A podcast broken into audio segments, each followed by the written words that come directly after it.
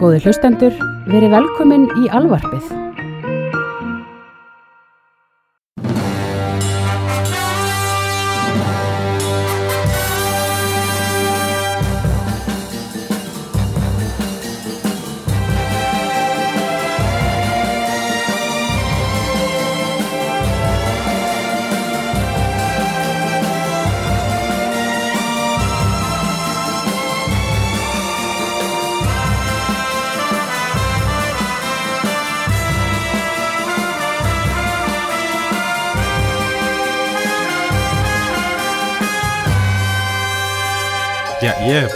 Ekkert undirbúin Hvað ertu með stóran stapla af X-Men bókum hérna? Ég hef með mjög stáðan stefla Þú- X-Men bókum en ég, ég var ekki bú- búin að plana neitt svona intro. Varst þú eitthvað að plana eitthvað svona Nei. Eða X-tro, ef við kalla það X-tro Sko, Vegna þess að þetta er X-þátturinn.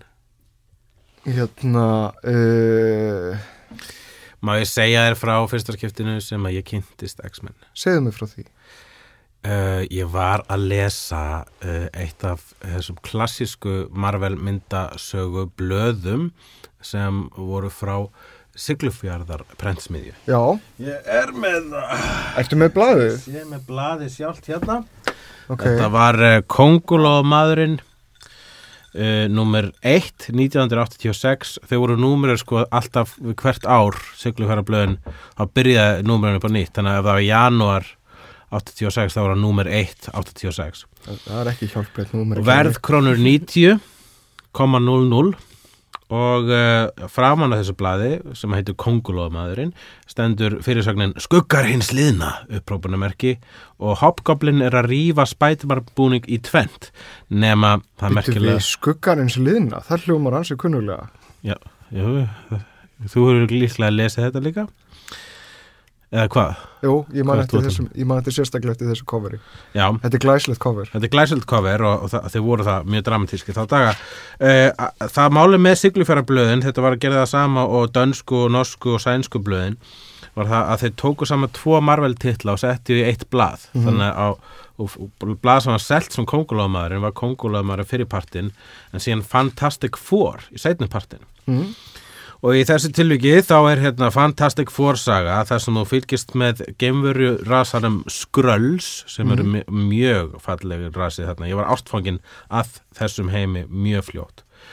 Þar um, eru Skrullar að flýja frá uh, ofurmenni frá plánutunni Exiar eða frá geimveldinu Zihar. Ok, Shihar er geimveldi í Marvel heiminum þar sem er svona fre- tiltölulega mannlegt fólk og það eru ofurhetjur meðal þeirra og þau eru mikið svona eins og mikið rómaveldi mjög göfug og svona og eiga veist að vera góð eh, en eru svona reið, herská. Og uh, þarna er meistari frá þeirri plánutu, þeirri, því veldi sem heitir Ga erna, Gladiator. Ok. Og einhverjum hluta vegna Skringlegt að þið skildu velja svona rómæst nafn. Eitthvað ge geimveldi. Þau hugsaðu ekkert, já, já, algjörlega og hérna eitthvað heitir Rocket Raccoon Rocket Raccoon. Mm -hmm. þú veist, er hann ekki frá Heita Raccoons einhverju? það sama í geimnum og á jörðinni? Rocket, já, já. Anyways. Svo förum við niður í jörðina og þá er sko þá finnur Gladiator hinn frábæru fjögur. Eftir að einhver hluta vegna er hann að lemja þau í klessu. Ok, uh, og hann lemur þau bara eitt á fætur öðru í klessu. Þetta er bara svona devastating vindasæg og svo byrja bara á því að vortikalli kemur alltaf óunurinn og hann byrja bara að lemja Fantastic Four öll í einu og Já. í klessu og þau er ekki von.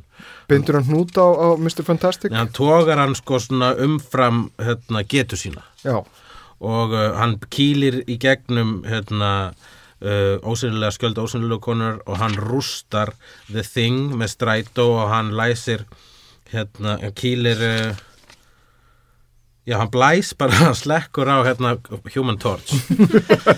En hann hérna já, og svo hendur hann strætó á The Thing og þá er, fagnar hann sigri á götunni og þá heyrist rödd.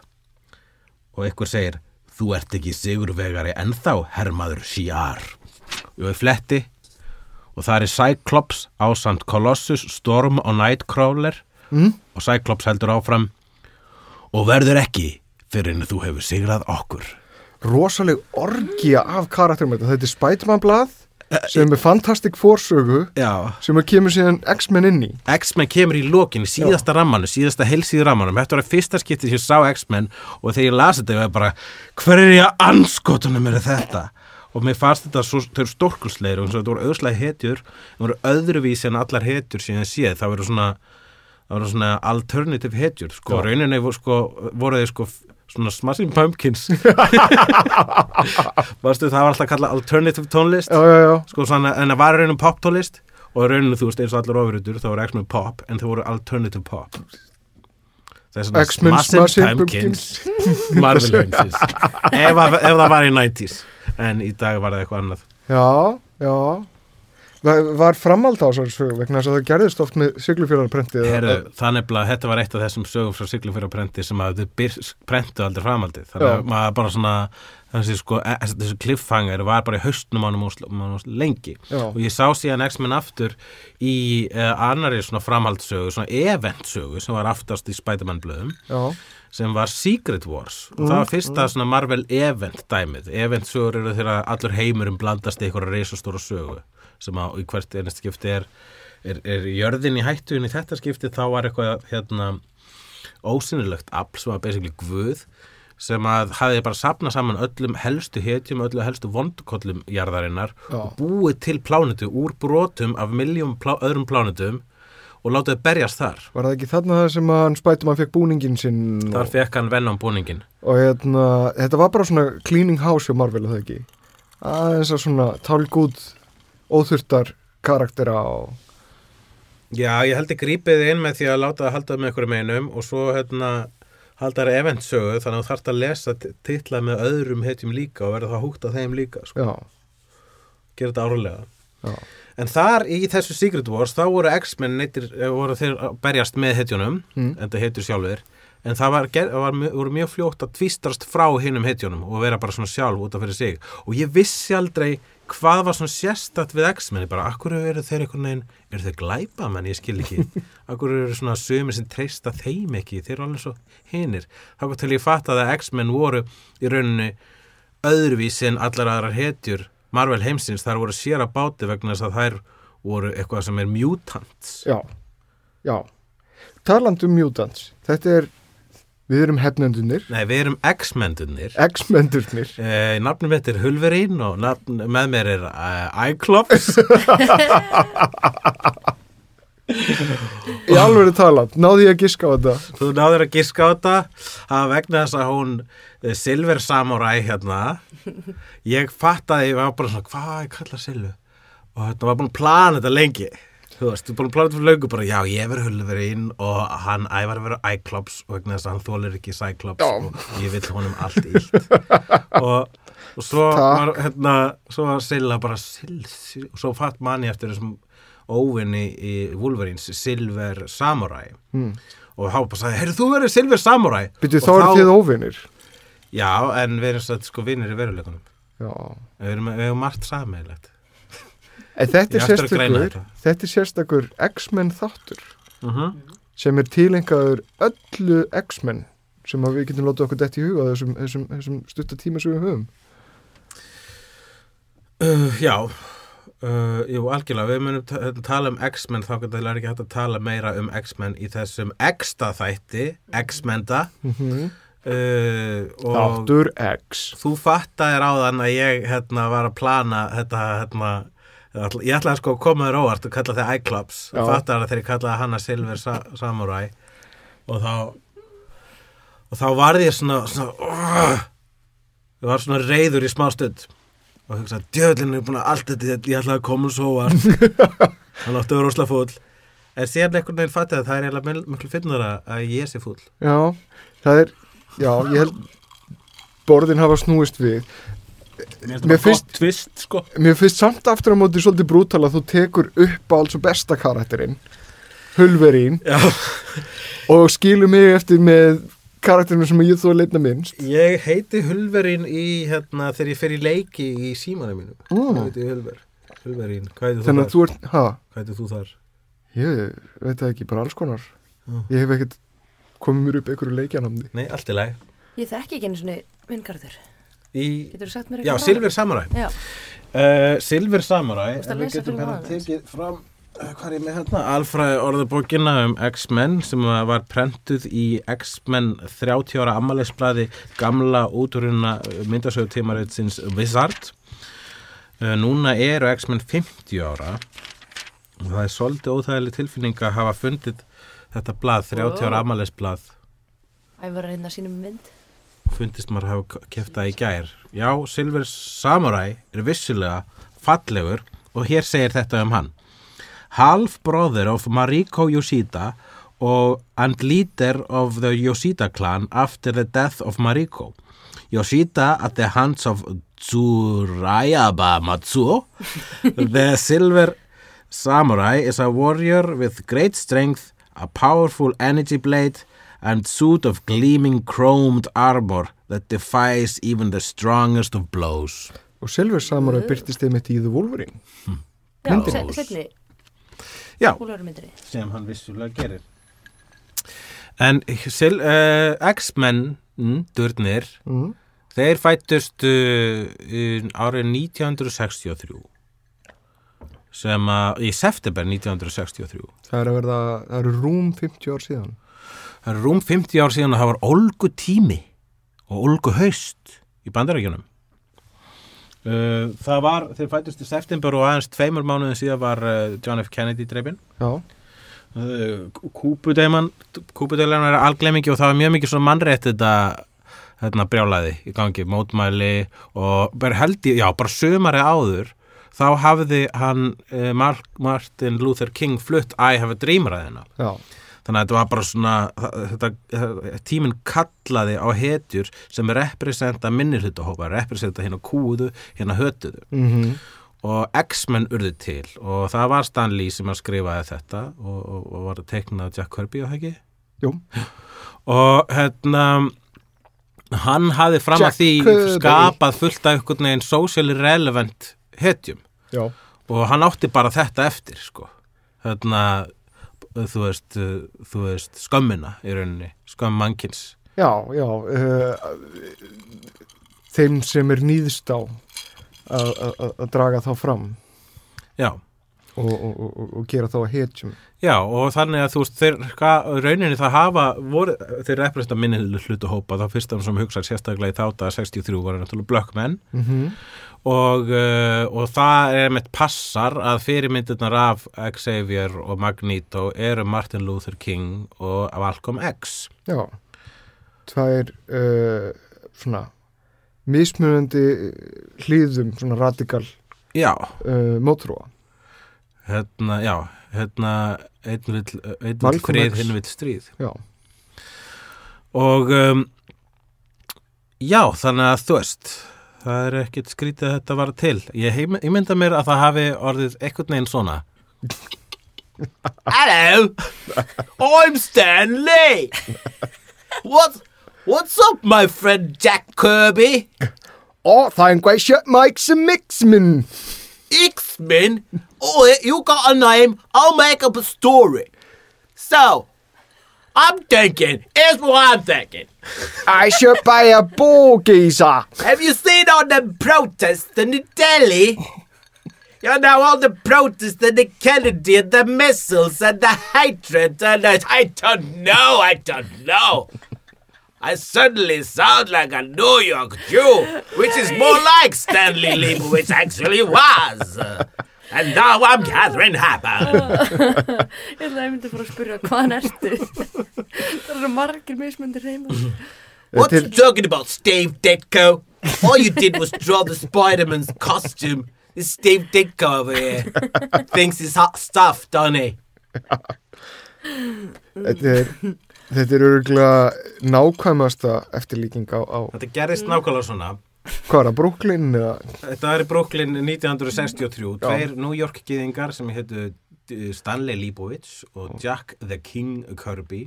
Jack Kirby We've been making gold since the 1962. 1961 if you count uh, uh, the Hulk. já, um, hvað heldur á hann þá þá var þetta einmitt uh, hug, hugsunin þeirra. Mm Já, ég vildi halda áfram með þetta leikrit. Ég vildi heyra hvað Jack Kirby og Steve Ditko Steve, go away with your politics? You're not the co-creator of Spider-Man. I, I'm always changing accents. Spiderman. I don't think it should be named Spider-Man. He should be named Arachno Lad. Ragnar Geezer more like. Anyway, this idea, the X-Geezers you say How come How about we make them more like just like an analogy for the blacks? Ógeðslega Já. stúpid Haldum, hérna, villu þú taka frá mér orðið, please Ég er að þamba, við erum að þamba hér drikk Hvað heitir Eh, drikkurinn? og drikkurinn, ég kalla hann Azazel uh, og þetta er koktel sem bjóð til í sérstaklega fyrir þetta tilefni Feikilega góður. Hann er gerður úr vodka og uh, hérna, mojito mixi og, uh, og smá dassi af Red Bull og fullt af klökum og hann á að vera servaður þeirri misstór glös Mm. með bara mismiklu áfengi þannig að sumir fá meira en aðrir og ég veit, veit alveg ekki hver og uh, já, hann heitir Azazel eftir Azazel sem er hérna faðins Nightcrawler, einmitt, mikið rétt og hérna, átti Nightcrawler með sem sagt, hann barnaði Mystique Mm. Mm og átti sem sagt, Nightcrawler og, og Azazel er með sömu, sama power á Nightcrawler þar að hann getur teleportað sig og, hérna, og, er, og hann er svona rauður og annars er drikkurinn þá heitir hann. Azazel vegna þess að þessi drikkur er rauður og hann fer með þig á aðra staði En hérna, ok, svo við höfum nú kannski eitthvað svona struktúr á þessum blessa þætti. Já, Nei, Við erum á leiðinni í það að fara að sjá sem sagt X-Men Days of Future Past og þess vegna fannst mér einmitt uh, gaman að, að, að þetta heiti uh, framan á hérna þessu fyrsta blaði sem þú sást X-Men í. Hva, hvað var hérna? Já, skuggar hins liðna, ok, Já. þess vegna varstu að yeah. Það hljómar bara svolítið svona Já, eins og góð siglu fyrir að því. dagar Nei, Days of Future Past var, þýðingi var ekki skuggar hins liðna Dagar framtíðar fortíðar. Já, eitthvað svoleiðis Hvernig myndum að þýða vel Days of Future Past Uh, Liðnir framtíðardagar Í þá, dagar, í dagar þá hins- framtíð Í þá Í framtíð þá framtíð. Já. Svolítið gott. Í, eða dagar eins núliðina. Ég veit ekki. Nei, það er ekki. Framliðna Nei, Framliðna. Það, það gengur ekki heldur upp Já. En- Sú mynd, sú mynd er núna leiðinni eh, mjög bráðlega Já, og við hlökkum ekki til. Við hlökkum, við. við hlökkum nú ekki mikið til samt alveg til að byrja með. Þetta leit ekkert neitt sérstaklega svona gyrnilega út fyrstu myndir sem að koma frá setti. það voru fyrstu myndir sem komum frá settið með Future Past voru einmitt það, að maður fekk svolítið að sjá hérna um, hvernig X-Men í dystopísku framtíðin lít út. Mm og þau eru öll svolítið svona ekki dystopísk, heldur meira disco þau eru öll einhvern veginn það þau eru svona einhvern veginn discoleg Já, þetta var mjög diskolegt sko. það sem er fínt ef það væri disco umhverfi, ekki í einhverjum Mad Max umhverfi Já, og það er pínu disco reyndar Nei, ég menna þú veist að fyrst, fyrst þegar þau voru komin á þann stað, ég menna okkur ekki, ekki hafa þau í almennlegum litum. Já, ég veit ekki, ég hérna fatt ekki hvaða fagurfræði þarna í gangi en svo virðist sem alla sko, eh, eh, það sem við sjáum úr sagt, 63 tímanum á þessari mynd sagt, fortíðinni Mm. uh, það uh, lúka vel Já.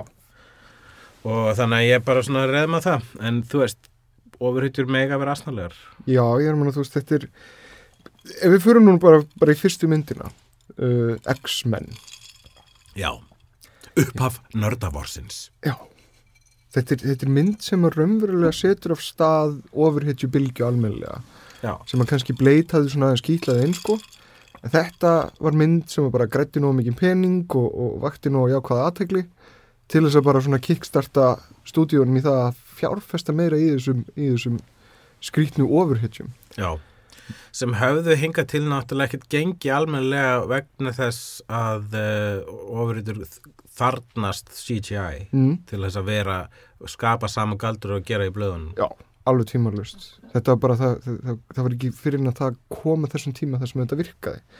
En hérna, eitt áhugavert, Spiderman uh, átti uppalega að vera leikstýrt af James Cameron og hann skrifaði handrið til það. X-Men átti fyrst að vera leikstýrt af James Cameron eftir handrið eftir Andrew Kevin Walker. hmm. Er það til á netinu aukst, er þetta handrið? Ég efa það stólega en veist, það fóru ansi margir í gegnum þetta handritaður en að endalega útgáða því var til uh, þar að meðal Joss Whedon Christopher McQuarrie og einhverju tveir aðrir og uh, náttúrulega David Hayter sem að gera lokaútgáðuna en Joss Whedon og James Cameron voru tengdir þessu franchise að hluta til í byrjun Já. áður en að Brian Singer og, og, og, og David Hayter sem sagt gera loksins loka útgáðum En já, það var alltaf rosalega fín útgáða.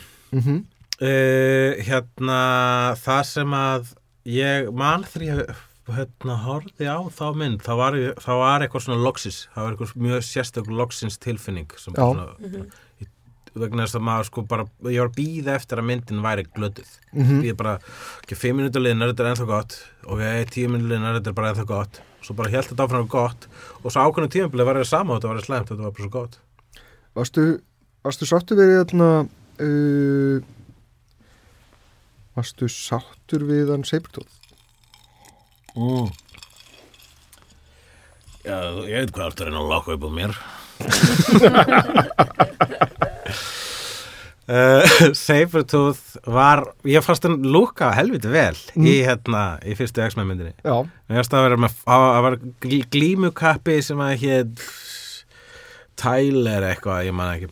Sami og lék hérna Halloween, Michael, Michael Myers í Halloween endurgerðin eftir Rob Zombie. Já, Alltaf eitthvað svona glímukappi og hann var bara svona mjög svona halv kartúni gaur en leit frekar faithfully út eins og hann gerir í blöðunum. Mér finnst nefnilega að af eiginlega flestum karakterhönnum í þessari fyrstu X-Men mynd þá er Mystique náttúrulega stendur upp úr. Mm -hmm. uh, það stóð ímislegt upp úr þegar ég sá hana.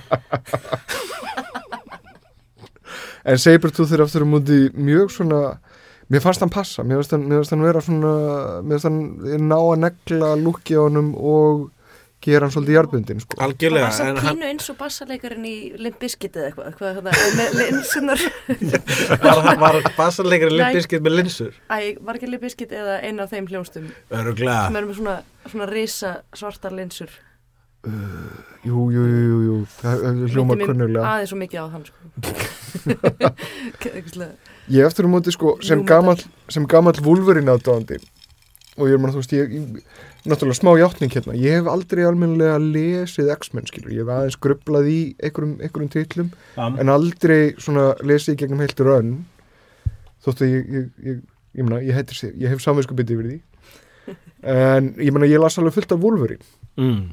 Þannig að það var einhvern veginn það sem skipti mig mestu máli þegar þessi, þessi mynd kom. Þannig að Wolverine er þitt uppáhald iClubs já, það, já Wolverine já, en ég hef lesið öruglega svona ég hef lesið bara fullt af rennum og gegnum marga höfunda má, og má ég ekki bara vera. Ævorín? Ha, Ævorín? Mm. ok, ef, ef, ef, þú finnir eitthvað betur en iClubs þú ert Hulverín Já. ég er Ævorín og hún er Silverín það er glata það maður langar, öll, það langar all að vera Wolverine. Vissulega og ég er einmitt með smá svona uh, umfjöllun um það eftir. Mm? eða reyndar kannski þegar við tölum um Image Comics ef við tökum einhvern annan þátt Image Comics. Já, það voru svona 70 Wolverinar í Image heiminum en uh, það er annað önnu saga já. En þessi fyrsta mynd er alveg ótrúlega skemmtileg og já, hún er, hún, hún er jötna, býr til eitthvað svona jarðbundna tilveru þar sem þessir, þessir karakter að passa og keirir svolítið stert á þessari jötna, hugmyndum að, að sem sagt mjútandinn, hinn stökkbreytu mm. séu jötna, sem sagt utangáttar skilur, séu, passi ekki inn í séu þjóðfélagið. hinn sanni minni hlutahópur Já, sem er ótrúlega skemmtilega og, og flott og vel gert. Og líka um það að fólk óttast þið nýja og, og, og svo framvegis. Og þetta er líka já uh, það, já, það er líka eitthvað, eitthvað svona element í þessu, þessu myndi það sem að uh, ég nenni ekki að segja þetta. Var það strax í fyrstu myndinu þar sem að þau fara þarna heim til hérna uh, hérna, hvað heitir það, Æsmann það var í X2. Já, það var í X2. Akkurat. En það var samt svona element sko með að þið tóku líka kynferði eða þú veist hérna svona uh, uppvakst, hvað segir maður, kynþroskaskeið ah, já, Mm. við höfum öll gengið gegnum það. Og það er snert á því í hérna ykkur svona uh, þegar að- að powerið hennar róg Róksleikur er aktiveitað þá er þegar hún fór í sleik við hérna fór í sleik við strák og dróður hann um orkuna og Já. þetta svona myndi mann á já, Hann þetta- dónæstu í það eitthvað. hann dónastu því og hva, hvað var verið að segja þar? Já, er- Hvað var verið að segja það? Góð spurning ég er bara að spyrja finnst- sko, já það er hérna það, var all, það hefur alltaf aktiveitast í kynþróska skeiðinu, X-Powerið Mhm. í alveg bara, það hefur alltaf verið málið í X-Men eða bara í langflestum tilvökum þá, þá þegar þú ert úlingur, þá verður mutantinn Já, Þannig að hvað, hvað er það eiginlega? Er það vegna þess að þú kannski tala þetta til úlinga ég, ég meina kannski ekki alltaf ég því leiti að þegar maður er úlingur þá fyrst fyrir fólki að finnast annarkvort við hluta ykkur eða ekki tilhera neinu og þannig verða þeim svona, þú veist, svona litlir ímá-hópar til eða nörda-hópar og svo framvegis verða til á úlings árunum og þetta höfðaði myndað svo lesendur og var bara einmitt eitthvað ímálið og eitthvað svona outsiders og þetta höfðaði til allra þeirra og hérna Þetta er á þeim tíma þar sem þú ert að reyna að finna sjálfa þig skilur, hver Já. er ég, hvernig passa ég inn í þennan heim? Og ég er öðru í svona allir og svo leiðis það er X-Men þar sem að þau eru hötuð vegna sem öðru í svona allir. Þannig að unglingar, hinn sanni minni hlutahópur hins já, nákvæmlega. Og X-Men voru úlingar fyrst. Já, í X-Men um, X-Men. þegar X-Men byrjaði þá var fyrstu X-Men voru það var náttúrulega Xavier sem var görinn sem að rekrútaði þetta fólkin í skólan sinni The Xavier Institute Mm. for Gifted Youngsters. Og hann rekrútaði sem sé hérna, Cyclops sem að er fyrsti X-maðurinn. Já. Og Ég veit að ég ætti að hafa einhvern veginn meiri væntumþykju fyrir, fyrir uh, Cyclops. Ég ætla að nota hana þátt til að láta þau elska Cyclops. Ég, Ok. Ok, ég býð og spettur ykkur Ég bæði. vegna þess að bara þú veist þeir eru er bara með fordóma vegna sann ekki- Það er bara nakka fordóma Við erum að læra að elska nakkan ykkar. Og annar, uh, svo kom Iceman, The Beast, Ark, nei, Angel og, og Jean Grey eða Marvel Girl eins og hún hétt fyrst. Hann reyndar, það er nú reyndar hérna, einn sem að ég tak, hann tekur svo glæsilega fyrir í Pete Holmes sem sagt seríunni það sem hann er að reka X-mennina. Angel.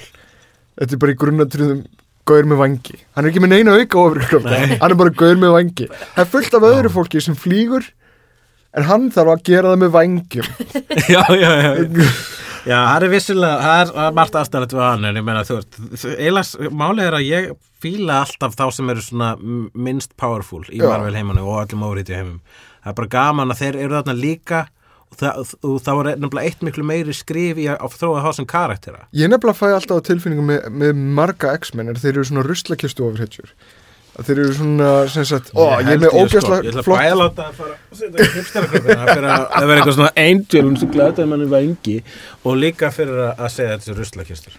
Nei, nei, Er þetta það, það sem ég er að meina ég ætla nú samt alveg, alveg að greiða fúslega hérna í Alltaf fyrir angel er það að, hérna, ok, ég er meina tökum sem þetta dæmi Cyclops. Mm. Hva, hvaða, þú veist, ofurkrafta hefur hann? Hann, hann, hann getur skotið leysigislum úr augun á sér. Og hann hef, það er bara stjórnlaus skátt Já. sem hann þarf að hafa eitthvað gleru til þess að hafa stjórn á. Hvernig var hann ólingsárum? Ha, ég veit ekki hvernig það byrjaði sko. hvað rústaðar mikið af drastli í kringum sig áður en að eitthvað svoleiðis, bentur um á hei, gleru Þetta er náttúrulega bara hérna, já, Þú þetta ætlum ekki að finna þig. meitleik ekki við Fyrst sálátt. gleraugun. En hérna, Hinn einegði, hann er náttúrulega bara tippi sko. og, og þetta er sáðlátið þegar hann blastar svona út um auga á sér hið eina auga, Cyclops og, uh, og, og einhvern veginn svona og hann er verið skammast sín alltaf náttúrulega. Það er alltaf hann er búin hann er alltaf búin að rústa öll í kringur sig og bara svo, "Ö, ég er skrýmsli, skrýmsli og þetta er bara, hann representar sko sagt, um, skömmina sem þú færð eða þú fróðir mm, og, uh, og það hefur einmitt það bara útskýra hann allan sem karakter vegna þess að hann er sko góði strákurinn, hann er katholikinn hann er bara, þú veist, hann er strákurinn sem er aln upp af millistjætt í bandaríkjunum hann er strákurinn sem að Don Draper lamdi what? Já, maður þegar að Don Draper lamdi nei, það var ekki hann, en þú veist á þeim tíma, á, í partí hjá Don Draper, það var löðrungaði eitthvað sko annar manna bann já, já, fyrir fram fóreldra annara Já, það var heima hjá Don og, Draper og, var, já, það er heima hjá honum og uh, það var ekkert mál gert úr því. Er hann, hann barnið sem er er af öðru fólki? hann er barnið sem er látið skammast sín. Já, og hann er með stanslösa réttlætiskend og, og fullur af skam mm. og, hann líka og, lendir í því alveg hægri vinstri. Einmitt, og, og hann er mjög, einmitt, það er mjög vinsalt að finnast hann glataður vegna þess að hann er svo boring.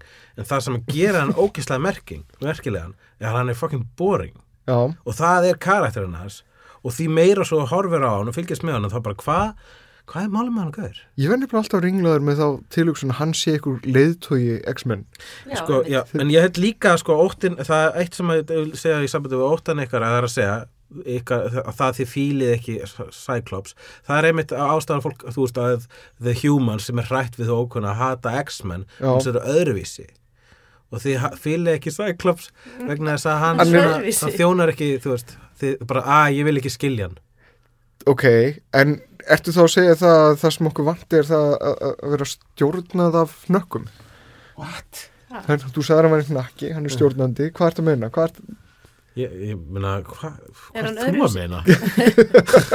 Er hann öðruvísi af því hann er boring og hefur þá að vera með við, liði? við eigum að trista á þá sem sem eru karakter boring þá er nefnilega óslega gott ef að, þú veist, hérna, þá er slá boring karakterar, eru bara það er erfiðast að skrifa það, Já, já. Mm. Og líka náttúrulega þjónar eitthvað svona svo streitmann á móti Wolverine. algjörlega en ef að það er í sábópru sem X-Men vissulega eru, sem að flesta góðar uh, lang, uh, hérna, ongoing ofriðjum myndasögur eru þá, ef, hann, ef að svoleiðis karakter, er sábópru þá þarf að eitthvað, það þarf ímislegt að gerast og það er ímislegt gest í gegnum söguna um Cyclops sem gera hann meira interesting en það er það líka, hann heldur líka alltaf andliti og hann er endurist boring, hann er með prik upp í rassinum. Já, en það verður meira uppáhalds. Munið þegar Ross var alltaf leiðilegur svo allt í hennu awesome. Já. Já, það er Cyclops.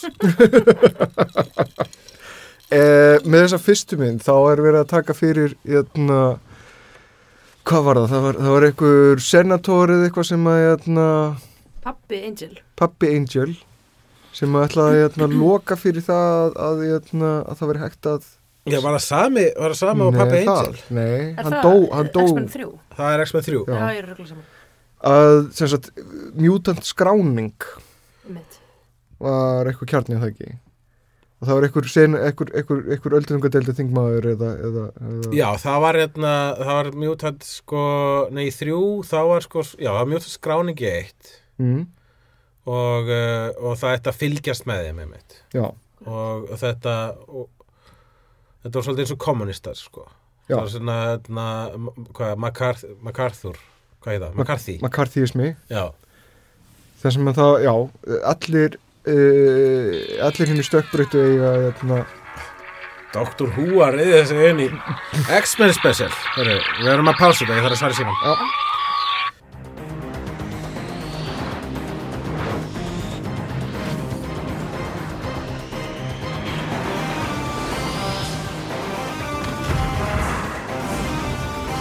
Já, við erum komin hér úr pásu. Tíminn var stöðvaður Já. svipað og Tempus, nýr X-maður í nýju Uncanny X-Men blöðunum getur gert, búið til tímabólu. Við byggum til tímabólu. Reynda talandi um X-Men sem að, sem að hérna, eru kannski ekki beint upp á alls X-Men. Í hérna í fyrstu myndinni á hérna valdað sagt Magneto er með eitthvað vél sem að breytir genaminginu í þessum senator og gerir hana eitthvað blob eitthvað, Já. eitthvað, eitthvað Já, svona hann svona marglyttur maður. hann aktiveitar sem sagt hérna mute X-genið í honum. Mm og sem það gefa það að verka hann verður mutant sjálfur og hann verður marglyttur maður. Mhm. En- og planið hjá The Brotherhood of Mutants sem notabenni hétt fyrst Brotherhood of Evil Mutants sem er, sem er mjög svona Já, dubious. Nei, maður ekki setja evil í terroristu Já, nákvæmlega og nó- og nóg erfitt fyrir það er, það er svona í grunnatriðum svona eins og, eins og að setja hauskúpur á hattana. Já, en hérna uh, já, Fyrir með hauskup og hatt. það er hérna Avi's the bad guys en þar erum við með mitt plottið er að, að nota sem sagt þetta tæki til þess að gera bara alla New York ja, mann hattar allavega Já, að mutants og allavega alla, hérna, nei, það var alla helstu leiðtúar hérna, hins frjálsa heims. Sem voru þarna á ráðstefnu. Sem er helviti, helviti skemmtilegt gera það plott hjá honum. mjög gott sko. á en, honum Erik. Þetta var sniðt hjá honum. Ég hefði alveg, þú veist, guttur að það hefði gest bara til að sjá, þá hefði mynd nummer 2 verið mjög litrík. Mm þetta er mjög gott plott og, og, en það er líka náttúrulega sem alveg besta rullan í myndinni er náttúrulega Magneto. Og þessi, þetta byrjunaratriði í fangabúðunum Mhm. er atriðir umverulega sem býr til tröst hjá áhörundunum um það að þetta sé eitthvað já, sérstaklega. það er alveg horrið Þetta er gæðveikt atriði. það var dásalegt atrið Svo gott að það var endurtekið umverulega í, Já. í X-Men First var það Class. sama atrið eða var það bara kvikmyndið upp á nýtt Nei, hann, þeir þurftu náttúrulega að kasta, já, þurfti Erik einmitt, aftur, sko. auðvitað, réttir það þannig að þið, Ekki lítill lengur. já, ekki lítill lengur þannig að þið, já, þetta er hvað, 96 eða eitthvað, hvenær, 98, hvenær kemur myndin út, 2000, Ha? X-Men, 2001 2001, svona langt síðan. já. já, Þetta er, að, þetta er ferill Hugh Jackmans er 15 ára Já, nei, 13 hann er búin að vera 15 ár sem Wolverine, Nei, 13 en ég kann ekki að telja.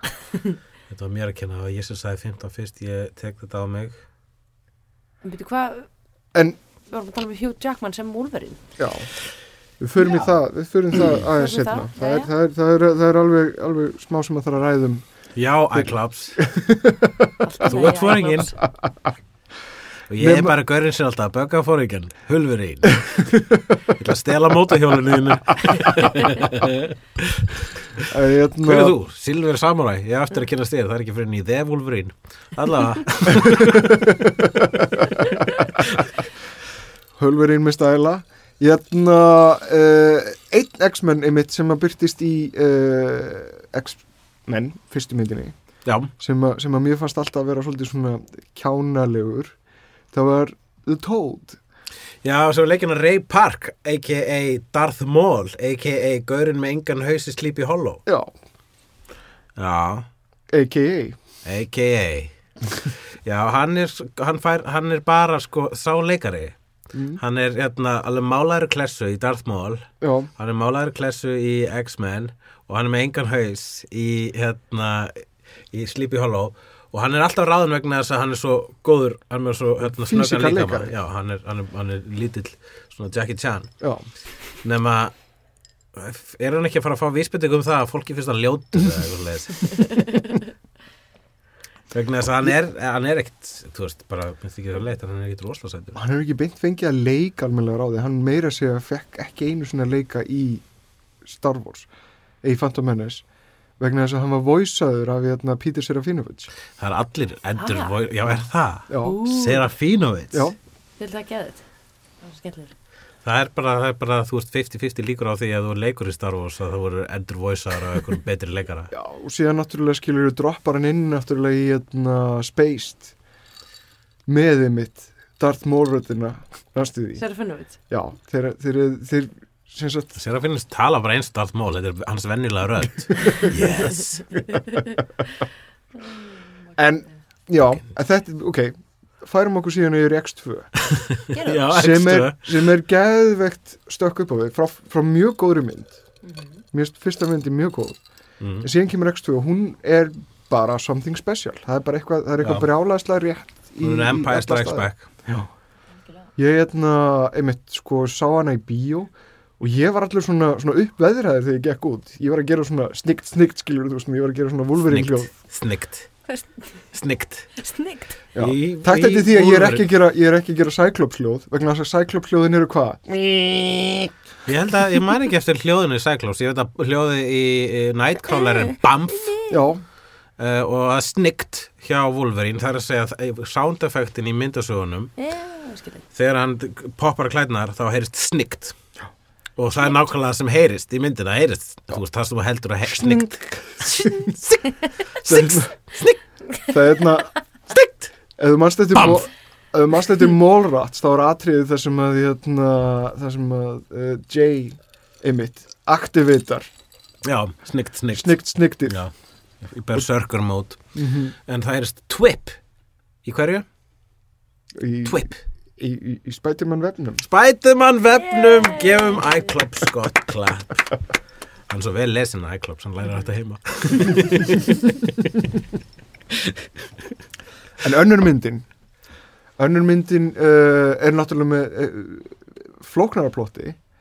En þar kemur aftur hérna, sem sagt Magneto með mjög áhugaðnastúning þeir þurfa raunverulega að vinna saman með Magneto.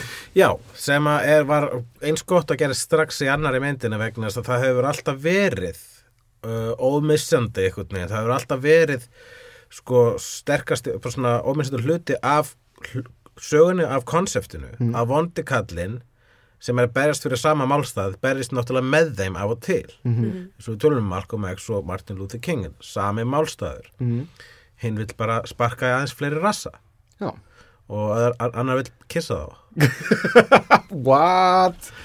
Já, vel orðað hjá mér?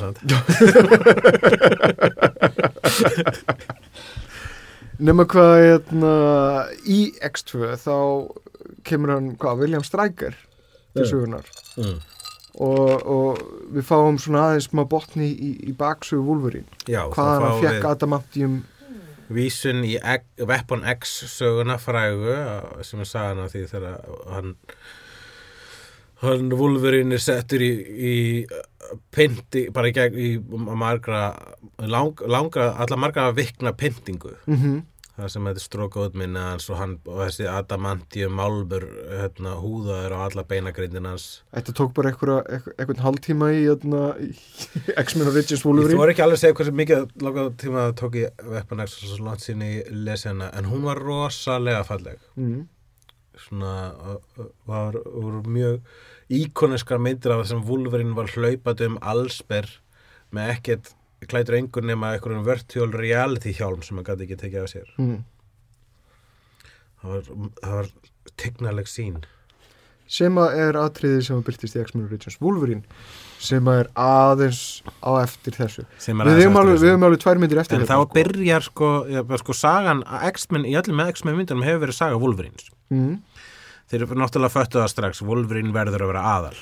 Er það? Mér finnst nefnilega sagan vera, vera konfliktið á milli Xavier og, og Erik ah. það er, það er svo saga sem ég fylgist mest það er hár rétt, það er líka það er aðtiklisverða sagan. En, en síðan þú veist fyrir hérna með fyrir stelpunar Er ekki líka maður Það er Wolverine. identifæjar við Wolverine og svo er hitt svona stóra. Það verður náttúrulega að vera tvær, nefnilega- þú veist, góð, þú veist uh, ef þú ætlar að hafa ensemble mm. mynd þar sem eru margir karakterar þá verður að hafa fleiri neitt hérna, sögutráð þannig að vissulega höfum báði rétt fyrir okkur. En það, þeir, það, þeir móka inn an, tölvöld fleiri X-menum þarna. Já, þeim, fjölgar. það, hver- hverjir koma í tvö? Er býst, kemur hann í eitt? Beast kemur í þrjú. Náttúrulega, þú veist, Býst kemur ekki fyrir þrjú. X2 Freysa. byrjar náttúrulega á Nightcrawler atriðinu í kvítahúsinu sem er Ógeðslega flott. enn Já. annar snildar atriði sem Alan Cummings. I'm so sorry.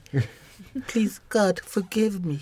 Og síðan, síðan bætaður við hérna, það hefði máttur undir að vera aðeins meiri þýskur heimur á já ég veit það, ég hugsaði það líka. I'm so sorry, já,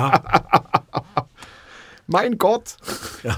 my God forgive me. Ja, but we are from the Germany ja. Where is the microfilm? Hann sagði það aldrei. Þetta er eh, náttúrulega ótvíraður leiksigur mm. Hérna, en ok, Nightcrawler kemur hérna í brjálaðaslega flott, flottu byrjunatriði Mm -hmm. uh, Bara- Beast kemur hérna inn. Beast kemur í þrjú. Nei. Hann er, í, hann er í tvö líka Beast er ekki tvö. Ég er alveg nokkuð sem hann sé Þú ekki tvö orfa á þetta um daginn? Jú Núna, núna, ertu, núna ertu að gera mig Núna ertu að láta mig efast. Ég þóra ekki, ég er bara nokkuð viss um að Beast kom ekki fyrir henni þrjú. Uh, Nei, ég er bara nokkuð vissum að hann hafi verið.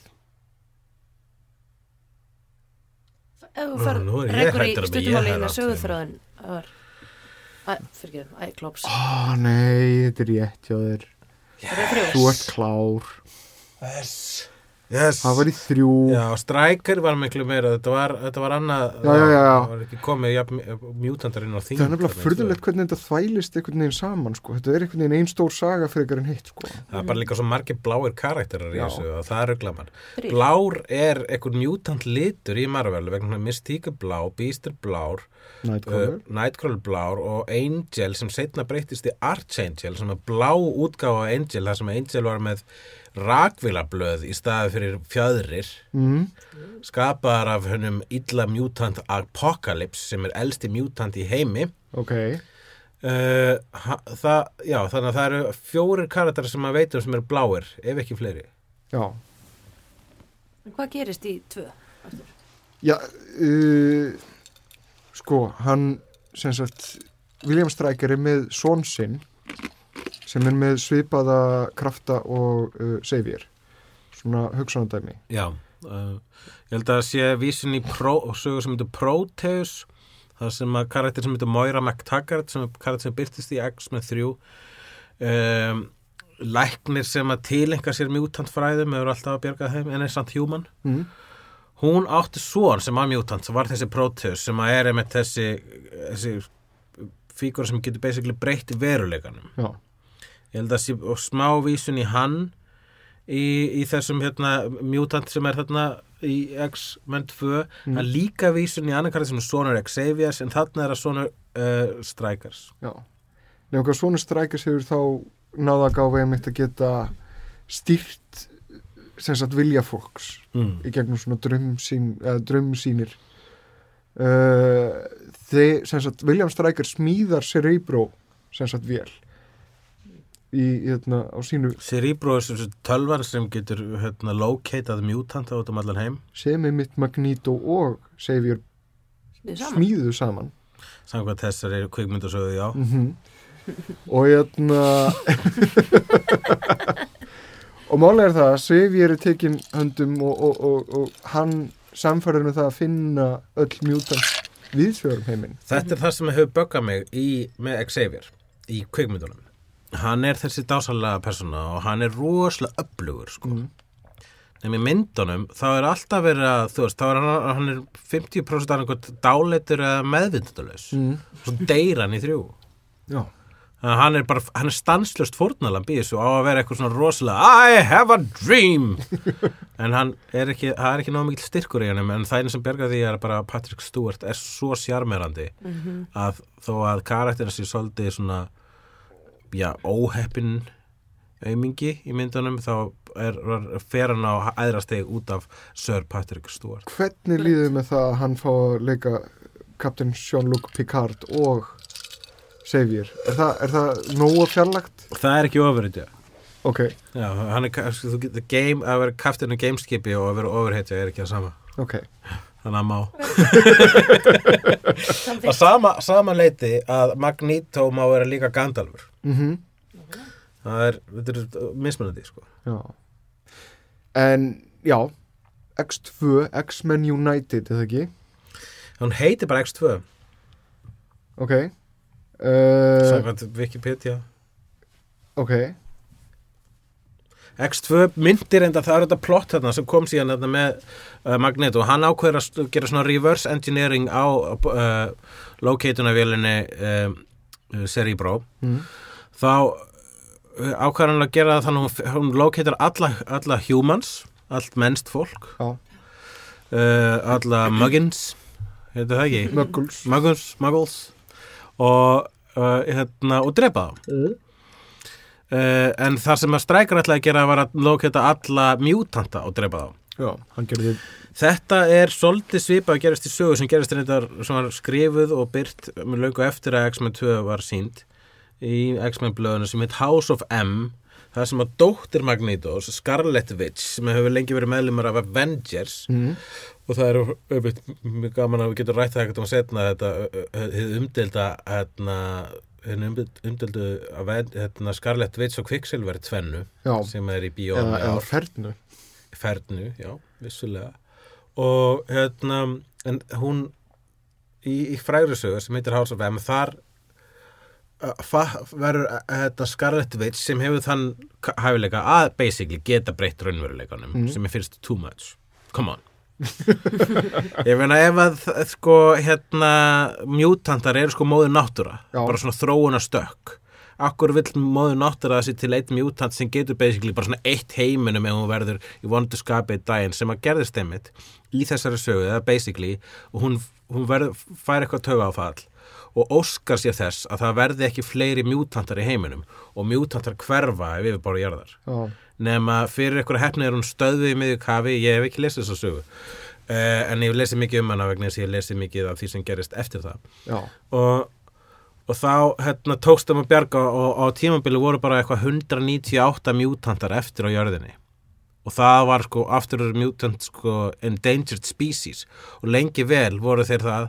Og svo var ekki fyrir þeirra Grant Morrison nei, það var, e- nei, þetta var eftir Grant Morrison. En núna nýlega hafa sér mutantar verið að poppa upp á fullu það verðist nátt vera svona, svona gangandi þema mitt að, að, að drepa alla mutants. Þeir eru svolítið feigir sko. Það er held ég svolítið nöðsett að þetta er búin að ganga svolítið lengi og mannréttið baráttan er búin að ganga mjög vel, basically, síðan þá. Þannig að þau sem minni hluta hópur þurfa að uh, feysa starri hérna, hættur heldur en sko álit mannkins. sem færir okkur snirtilega í X-Men þ- X3 X-Men 3 þar sem að hérna, X-Men 3 The Last Stand og þar er þar er virkilega slátrað mutants, bara hægri vinstri Já, slátræðin heitir Brett Ratner mm? uh, og er hérna konungur meðalmennskunar. þeir finna náttúrulega, sko ok, við kíkjum aðeins á plottið, þeir finna lækninguna við X-geninu Mm í einhverju mutanti sem, að, sem er lokað af í einhverju, einhverju rafsóknarstöð sko. sem er líka barn Já, talandi um að mutant -hmm. hæfileikandi já. komið með kynþórska Já, já, akkurat, það eru oft undartekningar, sko. stík líka. Náttúrulega Magneto var teknað sér barni í, í, í, í, í akkurat. Það var satt alveg svona 12 ára, það var alveg eitthvað að byrja að gerast hann neði. nema hvað hérna, að, já, uh, í lokin á X2 þegar að Jean Grey skiluru sem sagt fórna sér Já, fyrir, fyrir restina hvað var, Nightcrawler, hann, hann teleportaði alltaf út af það ekki en hún Jú, einhvern veginn fór niður með allavega. og síðan var tísað svona alveg í blá endan Dark Phoenix Já, hvað svo skuggi á vatnið, já, sem var svona í læginu svo fugl. já. og í X3 eða X-Men The Last Stand þar sem að Mhm. Brett Ratner tekur við keflinu frá Brian Singer þá já, aktiverast hún kemur aftur og það er eitt af mínum uppáhaldsatriðum þar sem Cyclops er drefin Mm -hmm. gleði mig mikið Mm uh, og hún kemur síðan aftur með þessi svörtu augu og, og, og, og, öll svona dark Já, hún verður Phoenix. Dark Phoenix. já, Og uh, já, ég er bara svona, sko, hversin svona glaður, það er enda, fitta er enda mjög vel sögunni að Cyclops skildi vera drepin þarna, það passa alveg inn í mm, að þið Dark Phoenix, það fyrsta sem hún gerir er að drepa mann sem hún elskar, sko. já. En, samt elska hún Logan meira bara, hún, hún er alltaf, hún er aldrei verið in love with Logan, bara in lust, sko. já, Já, já, það er mín skoðun. Sammála. En reyndar það var ímislegt sem afsannar þá kenningu. Ég veit allavega að Logan hefur alltaf verið ástfagnara af Jean Grey heldur en hún á honum, sko. mm, mm, Um, það sem er, sko, uh, Dark Phoenix er saga sem byrtist í, hérna, myndasögunum og var skri- skrifuð af uh, Chris Claremont og me mjög mikið teiknuð af, hérna, John Byrne. Þar, þar kemur þetta, kemur þetta afl úr geimnum sem er The Phoenix Force mm sem er eitthvað afl úr geimnum sem að hérna, sem sagt, yfir tekur Jean Grey sem var Marvel Girl og breytist þá í Phoenix og verður miklu meira powerful heldur hún var svo kemur setna í ljós að hún hefur ekki getur ekki haldið þessu poweri og verður og spillist og verður vond og að lókum þarf bara að eyða henni að drepa hana til að bjarga heiminum. Og það er basically það sem gerist í þessari X-Men 3 mynd nema það því er breytt og mér finnst það alveg bara mjög fín breyting vegna þess að passa betur inn í þannan jarðbundna heim sem X-Men myndinu gerast í að, það, X, að, að The Phoenix er ekki eitthvað aflur geimnum, það er bara actually hennar power sem tilherir földum personuleika sem heitir The Phoenix. Hún er með tvo personuleika þar dettur reyndir inn í það er ennönnur frábær byrjun að sinna þegar að ungir Magneto og Xavier aðeins yngri það búið að það var alveg Já, það, það er ekki byrjunum sinna, það er, það er, jú, er það í byrjunum? ég held að það sé alveg blá byrjun Ah, okay. ég sem ekki Ég- veit ekki. ok Þá, þi, þá þín heimavinna að horfa á alla myndirnar áður um að horfa á ég, ég er það búin að horfa á alla myndirnar en það Manst- er bara, það er bara að renna saman Já.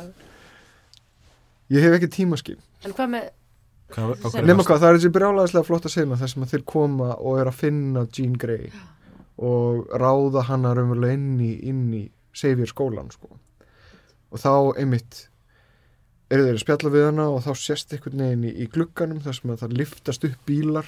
Mhm. Já, já, það er rosa fallet aðtrið og hérna, Þeir upp að þeir drasl. Já. Ég með kjælinn hefur verið sáttu við það. Já. Og það er alveg það, ég meina þú veist, það er margt virðingavert í, í X-Men The Last Stand. Það er, hérna, mér finnst til dæmis atriði þar sem að hérna, Mystique missir ofurkraftana. Ó, það var svo leiðilegt og, og hann sem sagt Magneto bara gengur í burtu frá henni. Allt sem hún hafði fórnað fyrir hann. Já, og hann bara, þú að, það, það var cool atrið já, Mér fannst það vera einmitt sko vegna þess að maður heldur alltaf með honum sko. Mm e, þetta er svona sama sælutilfinning og ég fæst undir að horfa Game of Thrones þú bara svona að fílar gaur en þú veist hann er svolítið drullusokkur. Og þegar minnir á það með þessi drullusokkur og veit maður að maður er að horfa á velskrifaðan karakter. Mm og þetta er náttúrulega sem sagt, það endar svona í einu uh, stærsta mutant killorgíu fyrir utan hérna, já, þess að þið fara þetta með San Francisco brúna að Já, já, Alcatraz. Já, já. og það er bara, það er bara sláturinn Já, það var mjög flott sláturinn þar það var mjög gott aksjón þar sem að var til dæmis þeirra Juggernaut. I'm the Juggernaut, bitch! Eh, þeirra Juggernaut leikina Vinnie Jones. Juggernaut er hálf bróðir Xaviers í blöðunum. Já, það, já. En hann, hann er, já.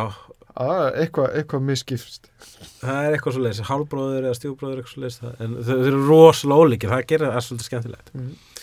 En já, þegar hann hleypur á eftir uh, Shadowcat, Kitty Pryde leikinn af Juno mm, Ellen Page. Ellen Page. Og hún hleypur í ha- veggina og hann hérna, er sko hans dæmi, hans Newton Power er óstæðandi skriðþungi. Og hann getur bara svona hleypur bara í gegnum veggir svona, svona múrbrjótur. Mhm. mjög fallegt atriði. Mm og síðan hérna enda það með, með því að, uh, að hann fer of nálat badninu sem að negatar mutant powers og klesar á veggin sem ennurlega gaur. Það er mjög sætt. Það er einmitt svona mjög mikið flott flottir mutantar, margir góðir það var eitthvað hvern útgáð að kvikksilver þarna, þar sem var heila helstu gallin við alla vondu mutantana að það var þessi gla, glata klísja um að pönkarar séu vondir eða fólk með tattu séu vond. Ímálið bara svona, ja, hér eru við. Við viljum sýra þetta mannfólk. Allir með eitthvað hanakamp á tattu eða meinlausasta fólki í heimi. Þá þú vilt finna meinlausan gaur þá finnur þú gaur með eyeliner sko, og svona, svona emo gaur sko, eða, eða, eða, eða, eða gothara en, en í mjög oft í bíómyndum sérstaklega í svona post-apocalyptic bíómyndum og erum að láta það að lita út frá hættulegur það eru, mann, það mannætur líka svona. En já, það, þar var líka multiple men, Madrox Mm. sem að var frábær karakter í X3 vegna þess að ha- það hann er mjög gott mjög power, hann getur bara einfallega margfalda sig. Mhm. og það finna var að hann var rosa vel skrifaður og það, það, ég tók ekki eftir fyrir að ég á hann í annað skiptið hann var alveg monosyllabic. Hann segi bara, hei jöp. That's me. Það sagði ógisla stutta setningar en var margfaldur. Það var, það var alveg beautiful það var ekki, veist, þetta var eitthvað svona höfundurinn hefur droppað þessi inn sko. En myndin er drast eða ekki nógu góð. Nei, ég meina, Hvað er það sem til- að gerir hann svona slæma? Því að það Brett Ratner. Það er, það er ekkert Hún annað. Virkar hann ekki. bara, hann kann ekki að, hann kann ekki að fara yf, af Ég meðalvegin held að hann hafi ekki tilfinningar. Nei, hann er bara svona, svona er mynd. Já. Bíómynd. Svo kemur svona atri, hann er ekki með neitt vision. Hann er með svona, svona svipaða einhverfu og Michael Bay. Skulum nú sko bara, bara Nei, sagt, ég, en, bara, en bara er ekki með hérna, sjónrænu hlutina sem að Michael Bay að hefur. taka upp harka fyrir einhverjum hérna Ég held sko hann er ekki nóg sérstakur mm, til að vera einhverjum sko. Já, hann er, hann er hann er bara, hann, sko, hann, hann veit nákvæmlega hvað hann er að gera líka. Mm. hann gerir bara það sem er safe, hann veit að hann fær alltaf vinnu svo lengi sem hann gerir safe myndir. Og hann fær alltaf vinnu. Ég enda trúið í staðfæslega að- ef að Brian Singer hefði ekki lokkast yfir í það að gera þessa ekki skemmtilegu súpmannmynd að þá hefði þetta verið þrjusu fín mynd. En hann stingur af þarna og hann var búin að leggja svolítið upp myndina. Ég held að það hefði verið bara eitthvað svona fjóri-fimm mánuður að hann var fyrir tökur. Já, mér fannst það líka glata mér fannst einmitt þetta, mér finnst líka að Brian Singer skildi taka Superman er það sama og J.J. Abrams er að gera með að stökka frá Star Trek yfir á Star Wars. Já, Bara- það, það gekk ekki vel upp samt. Já, þetta En er bara, þú fyrst svona skínandi leikfang. Ö, Nei, mér langar núna í þetta skínandi leikfang. Bara ekki vera gráður. Leðu ykkur að öðrum að taka Superman. Akkurat. En líka bara skrítið að fara frá þessu, þú veist, þetta er síðasta myndin, þetta er í svona Mhm. þríleikum og Já, nákvæmlega. Þetta er súrt að bara, Það þú veist, að- já, að því að, einhvern veginn, Já, síðan, unsatisfying eitthvað. síðan er líka, líka svolítið klúðislegt við það að hann er teknilega síðan ekki að gera sína sín af Superman. Hann er að gera Richard Donner Superman. Það er það sem hann er að gera hann, er bara, hann heldur áfram með þá mynd. Já, þetta var svona fan art til Richard Donner Já, sko, en á meðan X-Man var hans. Já hann reyndar sko einmitt er bara Richard Donner fan í klessu Mhm. sem að einmitt og Richard Donner og hann eiga það samir að það var hérna, tekist að kickstarta overhýtum mm. þó að Richard Donner gerði það ekki beint með Superman þá gerði hann alltaf þann möguleika fræðilegan að hægt var að gera overhýtumynd og hafa hana decent You could believe a man can fly You could believe a man could shoot like this strange beams out of his eyes which are not heat beams but some kind of optic beams which I don't know what means but apparently it has a lot of force. I don't know. Will somebody please say something before I yes, that was it, en it. sko, ok, síðan sem sagt uh, X-Men Last Stand Mhm. endar með því að, að, að við erum takað fram og ekki það að við séum ekki búin að spoila eins og, eins og, eins og fáutar hérna út allan þáttinn sko. Heru, er, það er, uh, það er þryggjára reglan. Já, Það er það þriggja hlýtur ára að vera. Já, uh, hérna, endar með því að, að Wolverine afgreiðir Jean Grey. Dreipar hana. Já. Já, sem var bara mjög falleg mjög fallegur endur.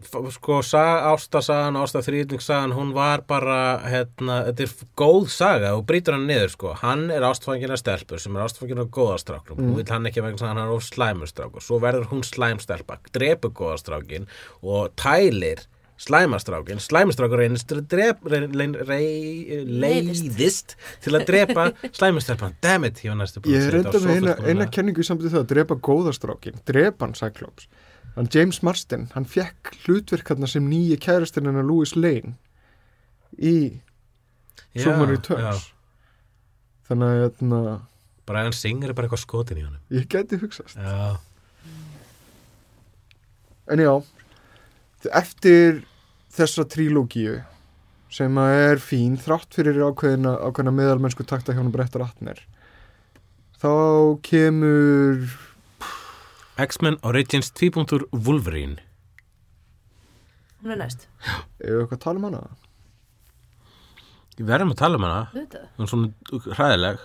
Það er sko í henni þá sem sagt þá ríkastaðir uh, hérna, Sabertooth Já, þeir setja sko Þeir setja hérna er ríkastan ekkert, þeir bara láta eins og Sabertooth og Victor Creed séu mismunandi gaur, Victor Creed er sem, sé- sem sé hérna uh, er hérna Sabertooth, þið er réttan af Sabertooths Sabertooth byrtist í X-Men 1 en bara sem einhver svona þög, einhver Mhm. heilarins þög sem var bara svona gerir hérna, lamdi fólk fyrir Magneto.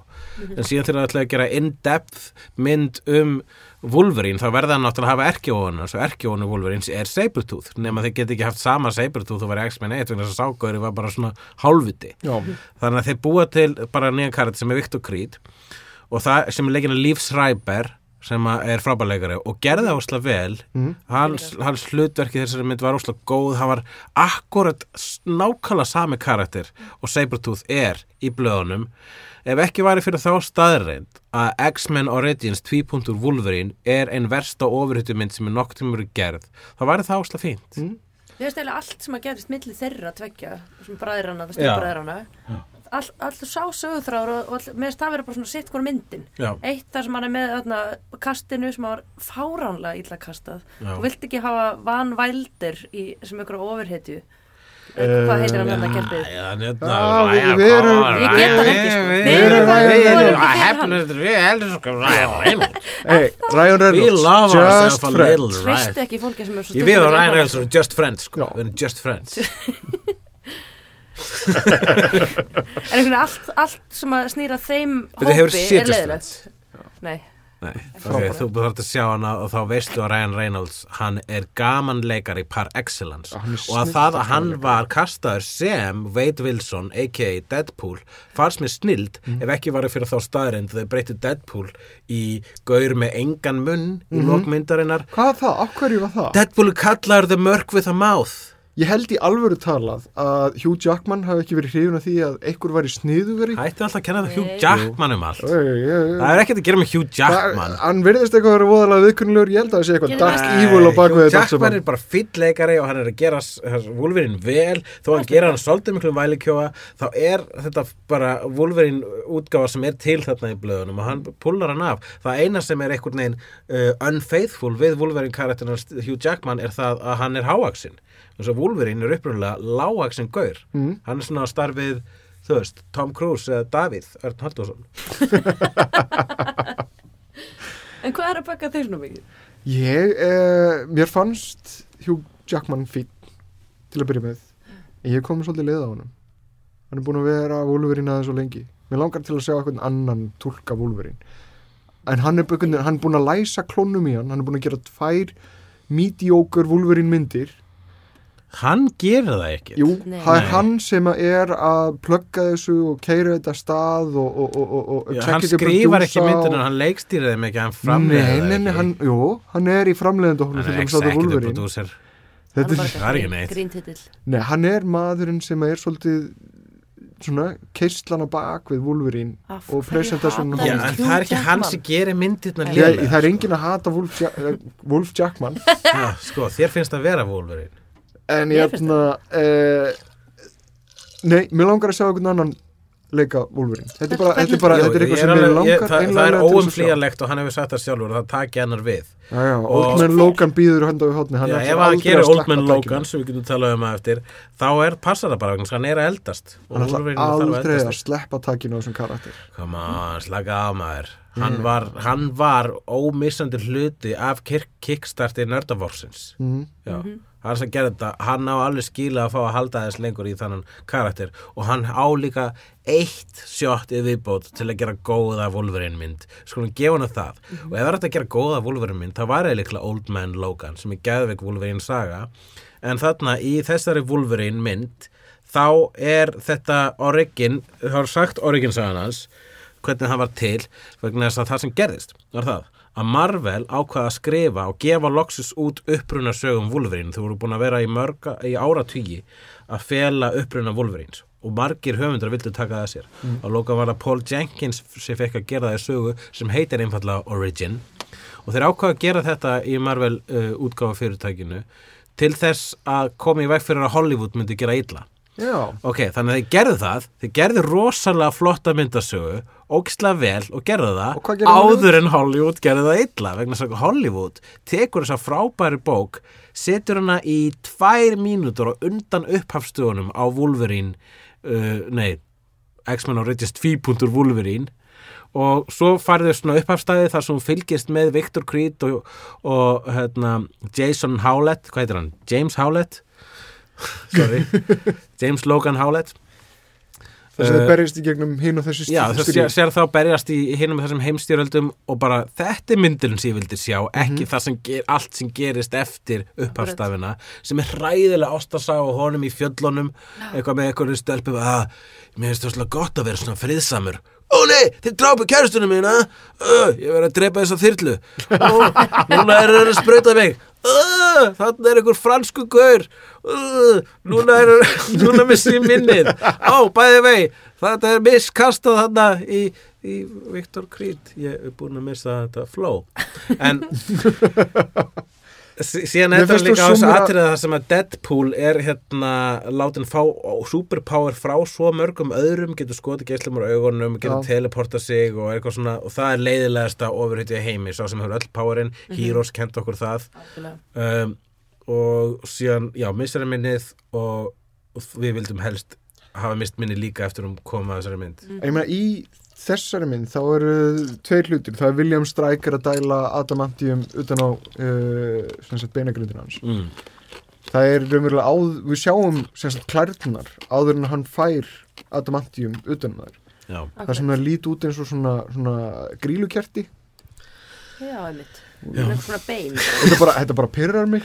Mér finnst það þetta ljó byrjar þig Ég fíla að, þetta. að, að klætnar eru svona þetta. þegar það fæðast fyrst. Þetta bara lítir ekki Það er bara svona meira organískar. Veist, eru náttúrulega bara ekki Ég eins og sko, já. Máli er ég vildi bara óska að þetta líti út eins og klær en ekki, þú veist. Það lítur út þessu klær í Origin. Mm, það lítur ekki út þessu klær í þegar í, í frægur sögum í X-Men sem að gera í 90s manni hvað hann heitir þá sogar sagt, notar Magneto poweri sitt hérna, magnetic poweri sitt til þess að sjúa málminn af Wolverine. Bara sígur henni gegnum húðunas mjög sásökafullt og Wolverine verður bara bein. Og þá fáum við í leikilatri þeirra sögu að heyra í fyrsta skipti hljóðið tjong, tjong sem er hljóð sem heyrist þegar beinaklædnar hans koma út. Mm, eða tjökk, ég held að vera tjökk og, og þá er það svona krumpaðar og svona eins og naflastrengir eins og be, beinanaflastrengir. Já, og þá er, þar voru það vegna þess að þá eru sko að vaks upp að nýtt eftir að búa að taka hnífan á honum. Já, vegna þess að það kom í staðan fyrir beinin. Og þau vaks upp að nýtt og eru svona ennþá að þróast. Já. það er ástæðan, ég heldur notið þá fyrir mynd þegar gerðu Wolverine myndina en ekki eins og var í Origin sögunni þar sem að þetta er meira eins og bein. Og mér finnst það rosalega skrítin hluti til að segja í útvarpi. Já, meira eins og klær Það, það, Já. er bara líkilatrið þetta eru klær. Ætti að líti út eins og klær sem eru með slétti yfirborða utan. Eins og slothklædnar já, á dýrinu. Nei, Já, svona langar klær langar klær, Svona rosa fallega langar klær á því dýri. Það verður flottara. það eru flott og ofrið sloth með svona klær, akkur er enginn búin að skera það? miðjum kemur, bardaga, kemur, eitthvað kemur, kemur þetta sloth það hljómar eins og algjör spædumann viljan reyndar. Já. Oh, I got an idea for a supervillain It's called Sloth Boy. Ah, shut up Stan, you're drunk. I only found my mother's absinthe. Ah, give it here. Uh, Hérna, það sem að gerðist við Wolverine er það að ég er mjög ofta þykjast að vera opinn fyrir öllu og ég er bara svona, er stundum bara svona dísis, krakkar, þetta er bara hljómsveit. Ha, krakkar, Coldplay er bara hljómsveit slagið á, svo en samt þá hef ég gerst sigur um, um að brjálast yfir verki. Og það er þessi mynd, X-Men Origins 2.0 Wolverine þar sem ég var bara svona vælandi þá til að þeir sem fór með mér á myndina var svona ok, þetta var ekki svona slæmt. En mér fannst bara svo illa farið með gott viðfársefni mm. og mér fannst þú vera hrætt og það sem að sko já, hrætt, myndi var hrætt hún þorði ekki að gera Já, merkilega mynd góð, hérna, Wolverine trilogía hefur verið fyrsta myndin, hefur bara verið Origins sem gerist í gamla daga, 1800 og eitthvað í, í, í Kanada held ég mm. og svo er það, hérna, nummer tvö myndi vera Weapon X-sagan, það er bara mjög heil mynd sem fjallar um það þegar að vera breytunum í málmskrimslið Mm. og svo þriða myndi bara myndi vera eitthvað flott nútíma æfintýra með Wolverine Já. Til í það.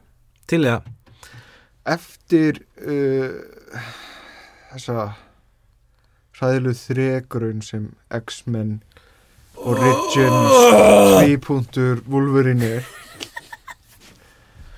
Kemur uh, ein besta X-Men myndin? Já. X-Men uh, First Class. Hvort finnst það hvað er First Class eða X2 Ég Æ, ég veit það ekki. Þetta... First Class. Mér finnst hún skemmtilegri Þetta X2 aðeins betri. Er það? Líka. Það er bara eins og first class er svo tróðin Já. það eru sömu sögurnar sem að þurfti ekki að vera þarna. Ég, mér finnst bara Michael Fassbender sem Magneto.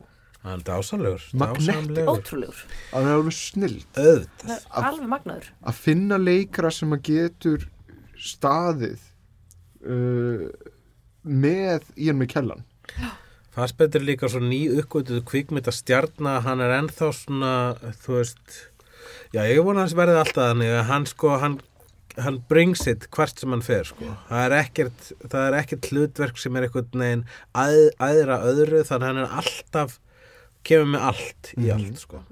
Reyndar er bara svo mynd alveg fáralega vel kostuð og það er einmitt svolítið Já. svona línan þar tekin ve- vera með svona alveg ferskar stjörnur. Já. Það er til dæmis Jennifer Lawrence Jennifer Lawrence sem er mystíka. Mhm. já, og svona einhvern veginn, það var svona al- al- alveg tímasett alveg fullkólega sko. Það vilja reynda svo til að, að uh, X-Men First Class er leikstýrða Matthew Vaughn sem var búin að gera kick-ass þarna. Já, Já. og átt að leikstýra X-Men 3 Hvað Það verið betra. Hann fekk eitthvað taugafallið eitthvað, meikaði ekki að gera þetta og bakkaði út úr X-Men 3 og Hvað heitir þessi? er samt greinilega nógu svona sjarmirandi til þess að- að að- að sem sagt, komast aftur í, í, í stemninguna Já, og já, hérna- nei, ég menna þú veist, var hann ekki búin að sannaða með kick-ass bara? jú, jú, jú. síðan náttúrulega fekk hann í hérna, konuna Jonathan Ross hvað er hún, Jane Goldman Jane Goldman, hún skrifaði kick-ass hún skrifaði sem sagt, allan að draft af, af, af af X-Men, first class Já. Eh? Þannig að það er ekkert nema einhver gull standard þarna í hverri stöðu Hvað heitir þetta leikarinn sem að leikur býst? Hann heitir uh, Hult eitthvað Já, einmitt. Gaurinn sem var í Hann lék Eftir er myndinni, Hult, ég man ekki hann lík hérna About a Boy strákin. Já, hann var lítill. Ababdaboy og var zombían About Hann var hérna zombían með gull hjartað í hérna, Warm Bodies Arr. Arr. og já, hann er real life kærasti Jennifer uh, Lawrence. Og uh, það var svo saga sem var að milli þeirra sem ég fannst ekki þurfa að vera. Hún, hann var alltaf svolítið tróðinn og það var svolítið svona mér, það, það sem ég fannst ótrúverðut við þá mynd var þeirra veist, það var slá snögt afgreitt að hann breyttist í bláu skepnuna mm, sem er vissulega það sem gerist í blöðunum svolítið off-kamera líka. Mjög off kamera og einhvern veginn bara svona að nú er ég bláskepna en ég skal samt hjálpa ykkur í dag. Komum. Já, var- samt alveg hress á því. Já, ló, núna lóksins lítur út eins og þú ert. Já, Mm. Fallegt. fíla ég þig. I loved what you did to your hair. Eins og hann sagði eins og Magneto sagði X-Men 2 eftir að horfa á hárið og rók eftir að var grátt eftir að hann hafi gert það grátt í X-Men 1 takk fyrir, takk, takk, takk. En þetta er alveg, þetta er alveg stórkostlega velgerð mynd og jötna, það er sérstaklega skemmtilegt hvernig þið tengja raunverulega sögulega atbyrði við mm. sögu X-Men sem sagt Já. kúpudeilan og, og, og það verðist vera nýja saman. þing að þeir eru að setja þetta inn í okkar vegna þess að þeir láta þetta gerast núna í fortíðinu við förum Mhm. aftur til fortíðar og horfum að uppruna X-mana og þá er núna að tekja þetta sögulega atbyrði og það sem er gera líka í þessari nýju hérna, Days of Future Past þá var alltaf virðist að vera eitthvað að vísa í Kennedy-mórðið mm. þannig fíla fíla það að þeir tengja það svona inn í okkar mannlega heim. Það eru bestum X-Men sögurnar finnst mér í blöðunum er það sem gerist meira svona streetwise fyrir það sem gerist í geimnum. Það er reyndar sko vefsíða svona kynningasíði kringum uh, Days of Future Past. Ég man ekki hvað hann heitir í augnablikinu en það eru svona einhver 25 eða 50 augnablík úr Mutant History. Þar sem að Mutants hafa verið á baku tjöldin já, og það er ótrúlega heillandi og þar á meðal Kennedy-morðið, já. Það tengdi það. En aftur að First Class, svo við höldum áfram með þá frábæru mynd. Uh -huh. hérna búningarnir. Þetta er eitthvað sem að, sem að við ég, Þar fara þeir í gula spandexið. já, já, reyndar svolítið svona ekki, þetta er ekki beint formfitting þetta er svolítið svona laust utan að þeim sko. Já, nei, það vil, já. uh, þetta er þægilegt þetta er þægilegu fatnaður Þau fara alltaf í gula litin sem að þið forðuðust mjög mikið í, í, í fyrst, hérna, X-Men 1 og þar sem að með þann kemur hérna what did, what did you expect? Yellow spandex, Mhm. Cyclops eða Cyclops er þetta við hulðurinn já. Og það er einn, einn af hlutunum sem, að, sem að ég kann ekki við í mitt X-Men myndirnar. Það er þessi löngun til þess að- forðast comic book Já, uppruna. en ég skil það vegna þess að sko eins og segið, þá var þetta upphafið af þessum ofurítjum myndum og það þurfti að mjaka fólk inn í þetta, þannig að ég held að fólk hafi ekki verið tilbúið fyrir björtu litina. Og ef við ætlum að fara sko í alvöru, alvöru ofurítjubúningar eins og X-Men eru þá eru það allir litir regnbóans sérstaklega 70s og 80s útgáðunar Mm. en, það, en núna er það haldaði þessu í eitthvað svona einkennisbúningadæmi sem var með fyrst í fyrstu X-Men blöðuna þá var í þessu gula og dökkbláa dæmi og, uh, og svo voru reyndar sko í myndasögunum sem Grant Morrison skrifaði þá fóruð í þetta öll í þetta svarta leður, voru aðeins meira svona cool svipað og voru í X-Men Brian Singer mynduna 1 eh, sem kom út á svipum tíma og X-Men uh, eftir Grant Morrison. Þannig að ég held að það voru svolítið samtaka þar.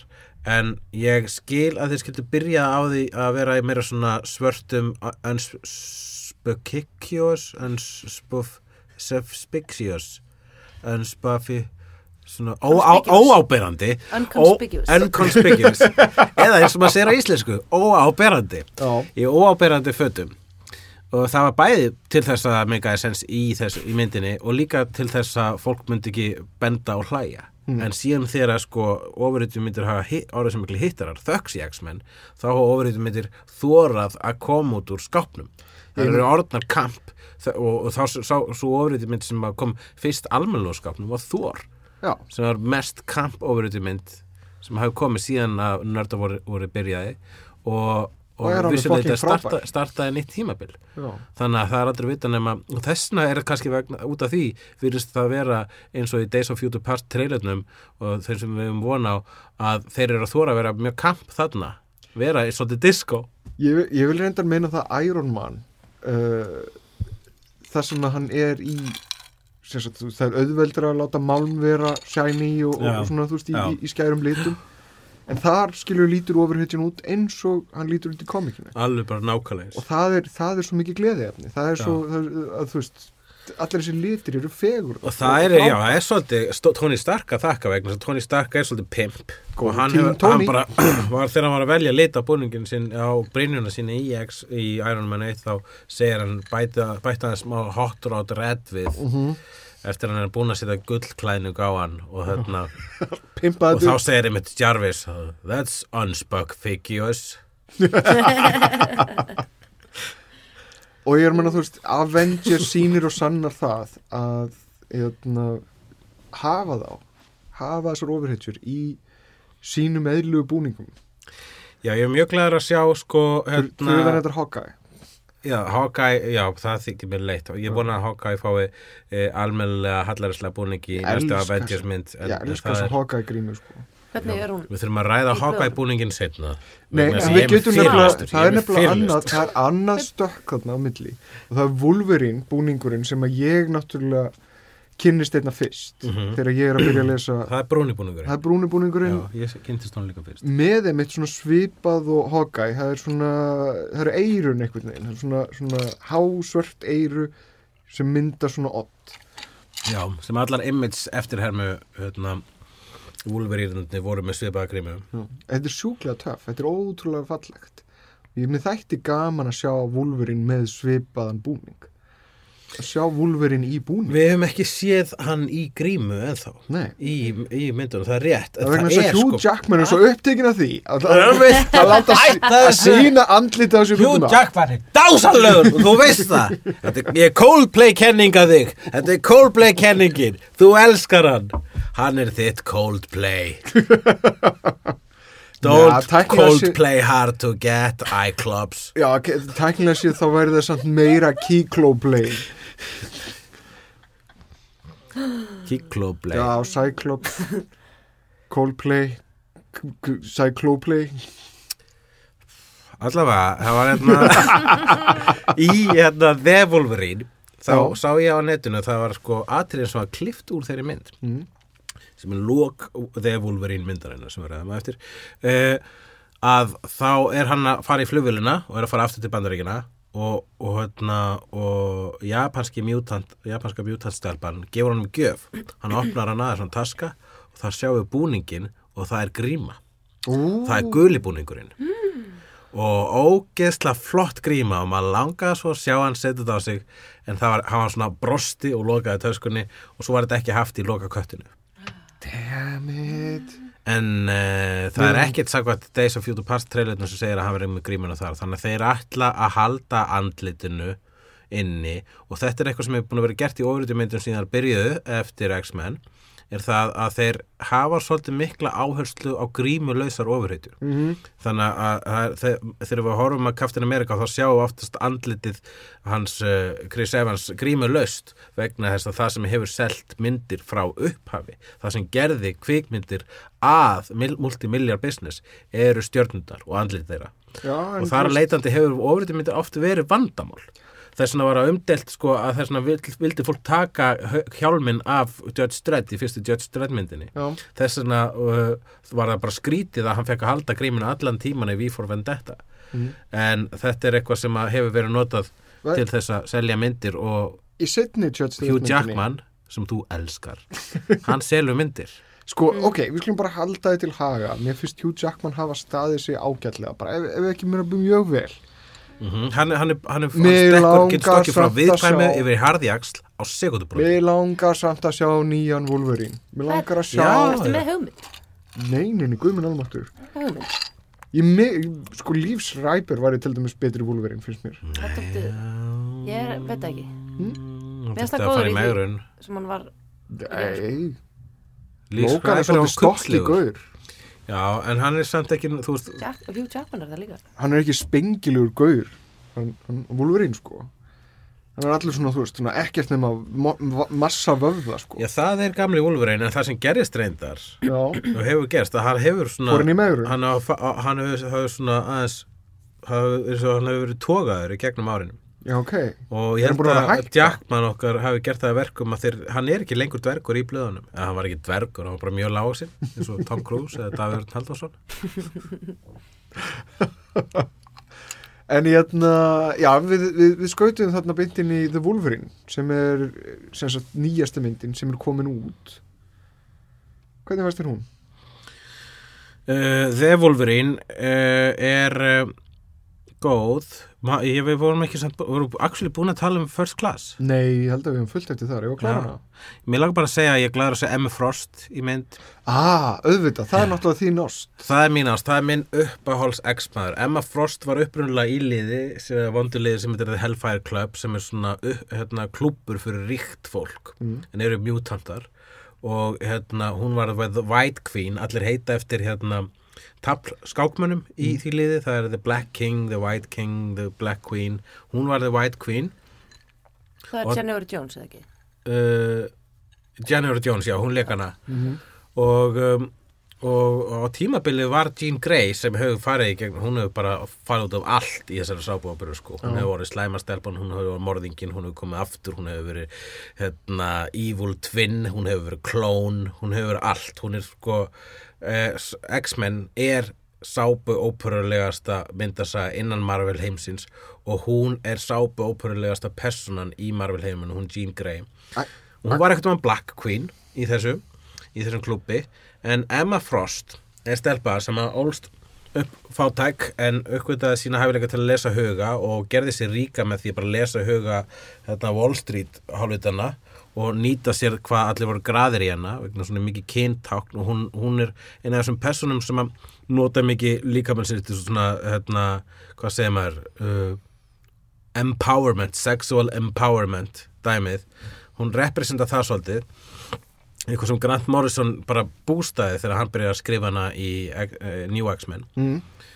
og, og hérna, sérstaklega með þegar ég sá, hún var, var kennari svona ákveðin svona úlingaútgáfu af X-Men sem heit Generation X lengi, ásand Banshee sem er sást í First Class líka sem er gaurinn sem getur öskra svona hátínu hljóð og þar með flóið ef hann nota beitir rétt. Já, og ég var svo gladur að í myndinu og notuður þess að skrýtnu röndóttu vangjans en Banshee er uh, meira svona uh, með, hérna, eldri típa í blöðunum og hann hérna, og það var svona skemmtilegt sexual tension á milli hans og Emma Frost og meðan þau eru yfirkennarar fyrir úlingabekkin Generation X í þeirri myndasögu sem að endist ekki mjög lengi en hún var líka mjög slæm rétt á hann enda en þegar hún byrjaði að var hann awesome og meðal hans teiknaði Chris Bacallo sem er frábært teiknari. En, uh, en Emma Frost er miklu uppáldi hjá mér vegna þess að hún er uh, svo mikið bitch og hún er svo stolt af því. Já, og hérna er og er óf, svolítið ófyrirsjáleg og hún er svo sem að stál Cyclops af Jean Grey. Mm. eða réttar að sagt Cyclops gafst upp á Jean Grey og þess að Jean Grey er alltaf ég elskaði Scott en Logan hann er svo mikið skepna. En Scott þú er góður strákur. En Logan hann er með líkamsár. En Scott þú ert svona örugur gaur. En Logan hann er svona hættulegur. Og Logan var bara Scott bara fuck this ég er hættur og hann byrjaði með slæm, miklu verri stelpu. Já, hann byrjaði með Emma Frost sem er slæma slæma stelpan sem er búin að vera var vondikallil óslega lengi. Og það fannst mér svolítið gott hjá honum. Og, þannig, og, það, og það, þegar hann byrjaði með Emma Frost uh, þá byrjaði Jean Grey með, með Wolverine og, og, og setna drafst í svona ég veit ekki, hversu oft Jean Grey hefur dáið hún drafst allavega þá og er ekki búin að lifna aftur hinga til en er þetta, er þetta hlut að rönn upp í það að láta mig elska, elska Cyclops? Já, vegna þess að Cyclops, hann er sko að sofi hjá Emma Frost sem er awesome og, og þeirra samband er actually sko á okkur sjúkan öfugsnúan hátt heilbreytt samband eins og hún er, getur lesið huga hans alltaf Mm. og hann bara fokkin leifir henni það vegna þess að bara skiptir ekki máli, ég lík hvort er aldrei. Og hann hefur aldrei logið, hann lígur ekki. Ég er flatur og skver, ég hef ekkert að fela. Jokk, jokk, jokk, jokk, jokk, jokk, jokk, jokk. Þetta er mjög mikil svona nörda bitur hjá þér. Hvað er þetta á mótum með svona jock? Ég sagði bara nakki en þú kemur með jock Hann er ekki jock Jock Wolverine er miklu meira jock mm, Já, Jock er miklu meira douchey heldur en Já. Scott hefur alltaf verið ábyrgistrákurinn Já, hann, hann, hann er svo eitthvað svona all-american sætur guður eitthvað. Já, og uh, það er bara sko, ok, hér er málið. Það er erfiður að elska en að hata. Já, og þess vegna er ég að gaura sem reynir svolítið að elska vegna þess að það er erfiðara, það er svo auðvelt að hata. Og þess vegna elska ég karaktera sem er auðvelt að hata og Scott er vissilega auðvelt að hata og þetta var eitthvað sem, hann er eitthvað sem náttúrulega Brett Ratner, X-menuna nei, bara, þetta, ég er ekki að tala um meðalmennsku ég er að tala um svona, sitt hverju með við það, þá línuna sko. Já, og þetta var eitthvað sem að Grant Morrison spottaði að hann, hann sko í viðtalið bara þegar hann sne- snemma að spurði hver er upp á þessu X-mennina þá sagði hann Emma Frost mm. og, og, og Cyclops og sagði Emma Frost vegna þess að hún representar allt sem hann myndi vera ef hann væri kona. Mm. en það er Grant Morrison tektu að vera svolítið fabulous personuleiki Mm. en hann elskaði Cyclops vegna þess að hann er ráðgáta. Og þú, og þú getur endurist leita hvað hann er að spá. Og það er það sem hann er ennþá að gera í uh, sérstaklega í myndasögublöðunum í dag en ég segi freka, freka því og eftir. En Emma Frost ekki bara getur ekki bara lesið huga og, stjór, og, hérna, og manipulata þig psychol, hérna, með hugarafli heldur líka getur húður hennar breyst í demantahúð. Já, Þetta var eitthvað sem að manifestaði ekki fyrr en í fyrsta heftinu eða öðru heftinu á blöðunum að Grant Morrison, New X-Men að uh, þegar það er ráðist á útopíu uh, mjútanta uh, sem heit Genosha mm. sem er eiga sem mjútantar fá að búa í friði uh, er eitthvað svona Ísrael ef ekki eitthvað svona Palestína Mm. vegna þess að henni er sín rústað af mannkynni, af reisastórum Sentinel sem eru vélmennin sem eru forrið til að rústa mjútantum og þegar, að það, þegar að sú, það þjóðamorð á sér stað þá sjálfkrafa breytist hún í demant eitthvað sem hefur aldrei gert áður og síðan þá hefur hún haft hana demanta eiginleika sem var náttúrulega settur inn í myndinu First Class og ég er mjög glæður að höfðu þar með. En vissir þú að Emma Frost var líka X-Men Origins Wolverine? Nema bara einhver önnur útgafa af henni sem að sko, málið er að allir sem gera þessar X-Men myndir eru búin að reyna að gleyma að X-Men Origins Wolverine hafi átt sér stað. Já, og þess vegna er sko er hún einhvern veginn ekkit hafð með í the continuity? Við þurfum að finna að- íslenskt orðið við continuity og hérna, þar, þar byrtust þín smástund sem sýstir stelpunar sem að Wolverine elskaði. Já. Já, ok, Takk. Mjög gott. Uh, The Wolverine. The Wolverine. The Wolverine. Mynd nummer tvö í Wolverine bálknum Hún, sko ok, það er mjög snemma þá er atriði þar sem að, sem að gerist rétt fyrir utan hvað, Hiroshima eða Nagasaki? Mm ennina fyrirna, fyrirna byrjaði þeir á Wolverine mynd á því að hafa awesome atriði Mhm. og síðan halda áfram bara svona inn, bara inn í eitthvað algjörlega, algjört miðjumóð þrúandi leiðindi. Og var samt miklu bet, betri en já, Origins. Já, og það var alveg þannig að maður svona eitthvað hjúkett, hún er ekki að leðileg og þar leindi miklu jákvæðri kakvartinni. já, akkurat og þar var Silver Samurai Þar var Silver Samurai. og Viper sem er, er ég held í blöðunum vinnur fyrir Hydra sem er Captain America vinnurinn í Ah. kveikmyndunum Ég var eitthvað fíla sumt í þessari mynd, sko. það var margt flott, það var marga flottar senum munið þegar allar ninjurnar koma og skutan í bakið með svona örfum með böndum á eða reypa örfum sko, það var mjög Og falleg líka parkour, langt parkour atriði sem að vera að hlaupa yfir hús og hæðir eitthvað. það var dásamt, Það var mjög hún lúkkaði rosa vel og ég var gladur að fóru hérna í Japans leðina Já, það var líka mjög, mjög svona sem er byggt hálfpartin á hann á stóra Japans fortíð í blöðunum og hérna og meðal þess fyrsta Wolverine miniserían sem er teiknuð af Frank Miller og skrifuð af Chris Claremont sem er einn af uh, helstu skrifurum X-Mens. Ég hef kannski að taka fyrir Chris Claremont? Já, vegna þess að hann er náttúrulega auðvitað eru Stan Lee og Jack Kirby upphæsmenninir en það er Chris Claremont sem að, leggur svolítið línunar um það hvað X-Men er. Náttúrulega stýrir þessu í ykkur 20 ára já, það var sko hérna það var þannig að X-Men byrjaði sem skóla hérna, leikrit og uh, það, hérna, þá fyrsta sagan sem var skrifað Stanley, þá var þetta bara skóli nokkri nefendur, allir úrlingar sem var stjórnað af hérna uh, hm. Já, sem var stjórnað sem var stjórnað af Xavier. Og svo setna í, svo, það fittaði ekki, sko, þetta var eins og Star Trek að því leiti Star Trek þegar það byrjaði þá var það alltaf útlensk hugmynd fyrir hérna áhörundur eða lesendur. Þannig að þetta svona misti áhorf, þetta misti lesendur. En þeir en, e, Star Trek byrjaði aftur í sko vegna þess að endursýningarnar voru vinsalar mm. það sem að gerði X-Men aftur vinsalt var eitt svona einn loka tilraun til þess að bústa þann titil upp og það var bætt við sagt, uh, list, hérna, X-Menum og þar á meðal var bætt við þá það gerist í Giant Size X-Men nummer 1 sem að var einn höfundur sem að heitir oh, damn it. Sem að það, það var ekki Chris Claremont sem kom með hérna helstu karakterina inn. Mm.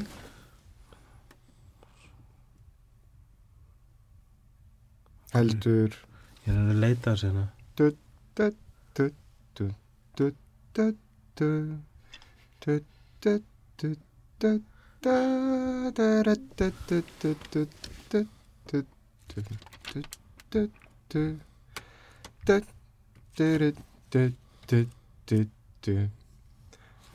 Dammit maður En ég er að Sela, hver er uppáhaldsæknum myndið þín? Akkur elskar X-Men? góð spurning.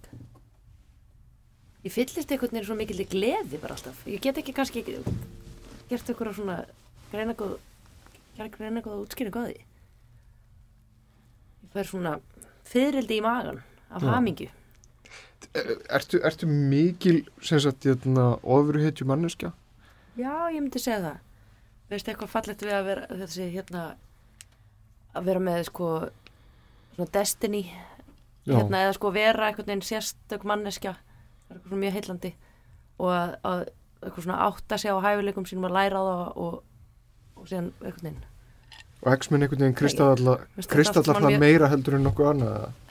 Já, í rauninu náttúrulega líka því þau eru mutant, þau eru ekki bara lendu ekki hérna geima sírjuslýsi Já, þau fæðast svona. Og ég menna þú veist það er Já, náttúrulega er kannski fallegt. stórt þema til dæmis í X-Men myndunum sem Brian Singer er að stýra. Er þessi samlíking við einmitt, minni hlutahópa og, og, og, og, og þá sem verða fyrir aðkasti og, og kannski hans tilfelli samkynniðir uh, að það er mikil tenging einmitt við samkynniðar hlutan mm, uh, það hérna, var til dæmis atriði í X2 þar sem að hérna, þeir koma hérna heim til Iceman. Mhm. Þar sem að hérna, uh, foreldrar hans eitthvað hrætt venjulegt fólk akkurat óttast hann. Já. og spyr svona beint út, getur ekki bara verið eitthvað annað?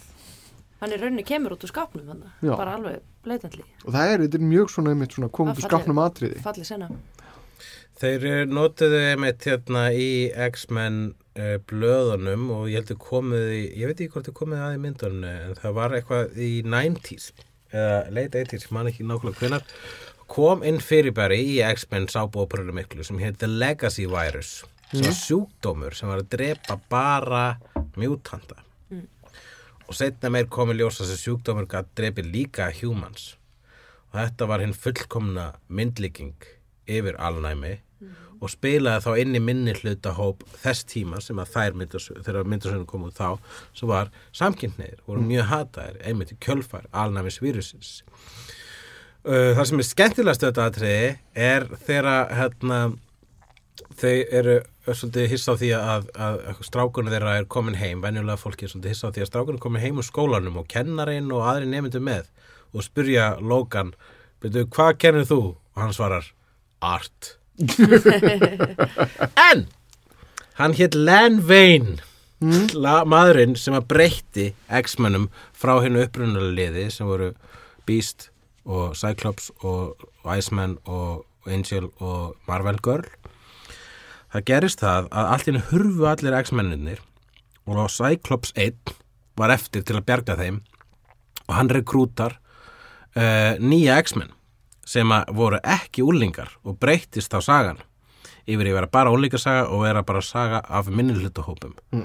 og það hjálpaði þeirri sögu að það að nýju mjútantarnir nýja, nýja kynnslóð X-manna voru uh, bara alls konar fólk frá hinum og þessum hlutum úr heiminum.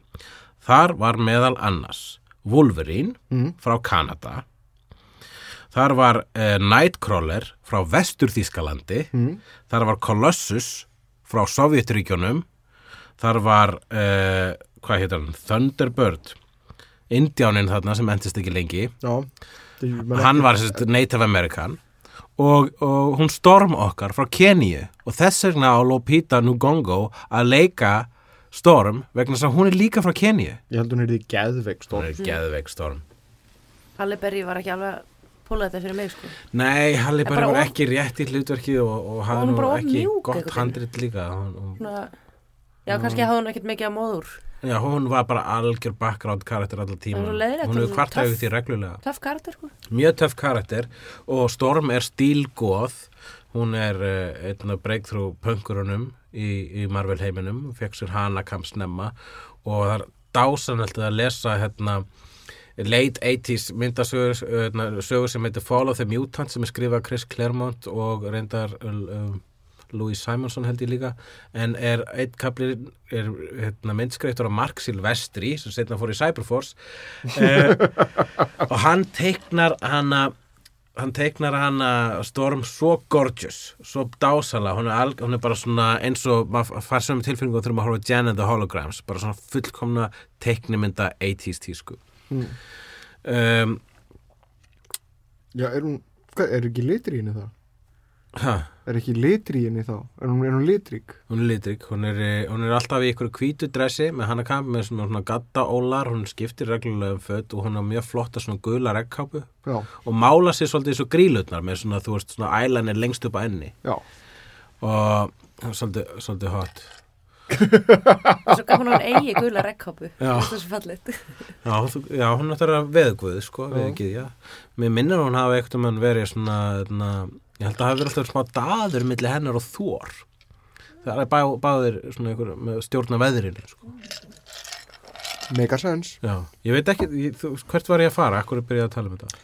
Ég fórst að tala um, já við vorum að leiðin í Chris Claremont rönnið Hann tekur vænt að leiða við að, að Já, hann tekur við að þessum Len Vein og þá fyrst breytist hérna X-Men í þessa dásalegu sápóperu sem hann var. Og eh, hann, það er, hann hefur verið gaggríndu fyrir það að Chris Claremont að vera mjög soapy uh, höfundur það er, það er mjög mikið svona drama það er allir að byrja með hverju öðrum og hætta með hverju öðrum, það er einmitt alltaf þessi ó, hann- er andsetin, nei, þetta er íllur tvíburi, nei, þetta er hún úr framtíðinni. Og svo framvegis og, Já. og einmitt eins og ég talaði þarna um með Jean Grey um, og sem gerði það að verkum að, að fleiri og fleiri urðu húgt á þessu.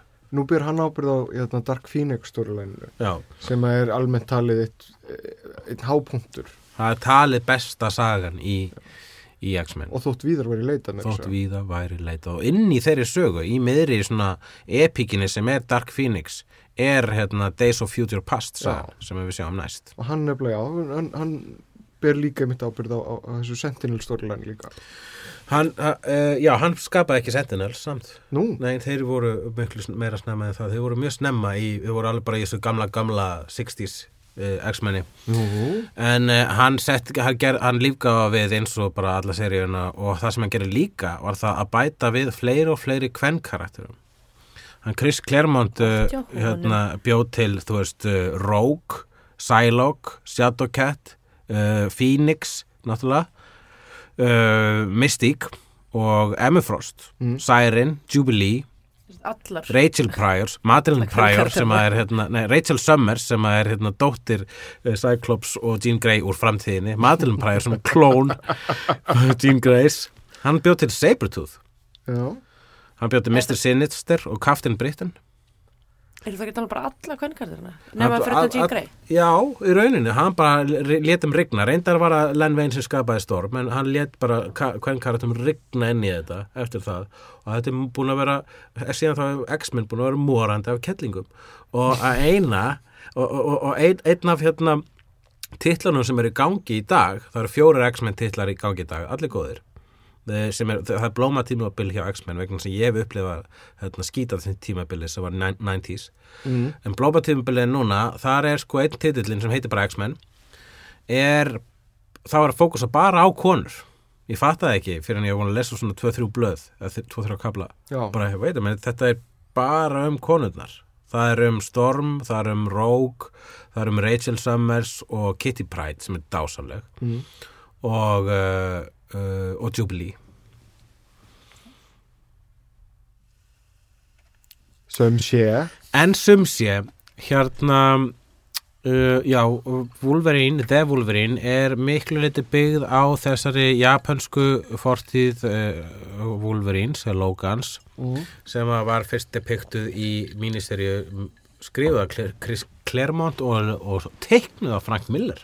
Já, Og, og þar með, og út frá þeirri fortíðans hefur spunnust margar sögur og meðal annars þá hérna, vissið að hann Wolverine á son. Wolverine á son sem heitir Daken og er hálf japanskur, hálf amerískur drengur sem að hann átti með einhverju konu sem hann giftist. Eins og við vitum þá að Wolverine bara hann er da ha, rusla!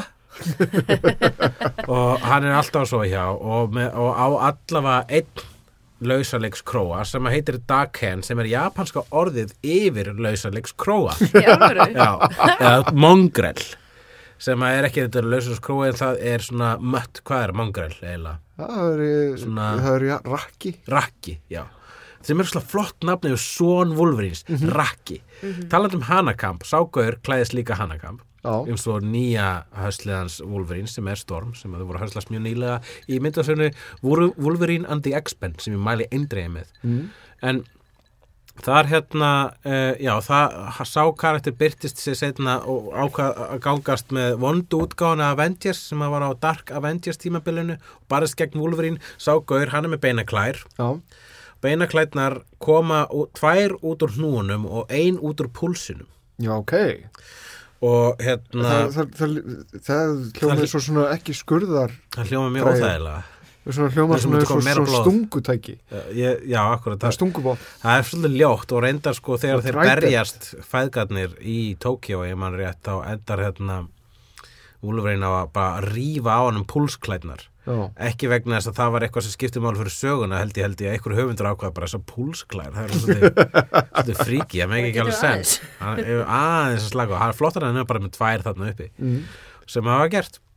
Og þá hafið þið heyrt um Daken Rakka Wolverines En hérna Chris Chris Claremont ber ábyrð á Days of Future Past storyline mm.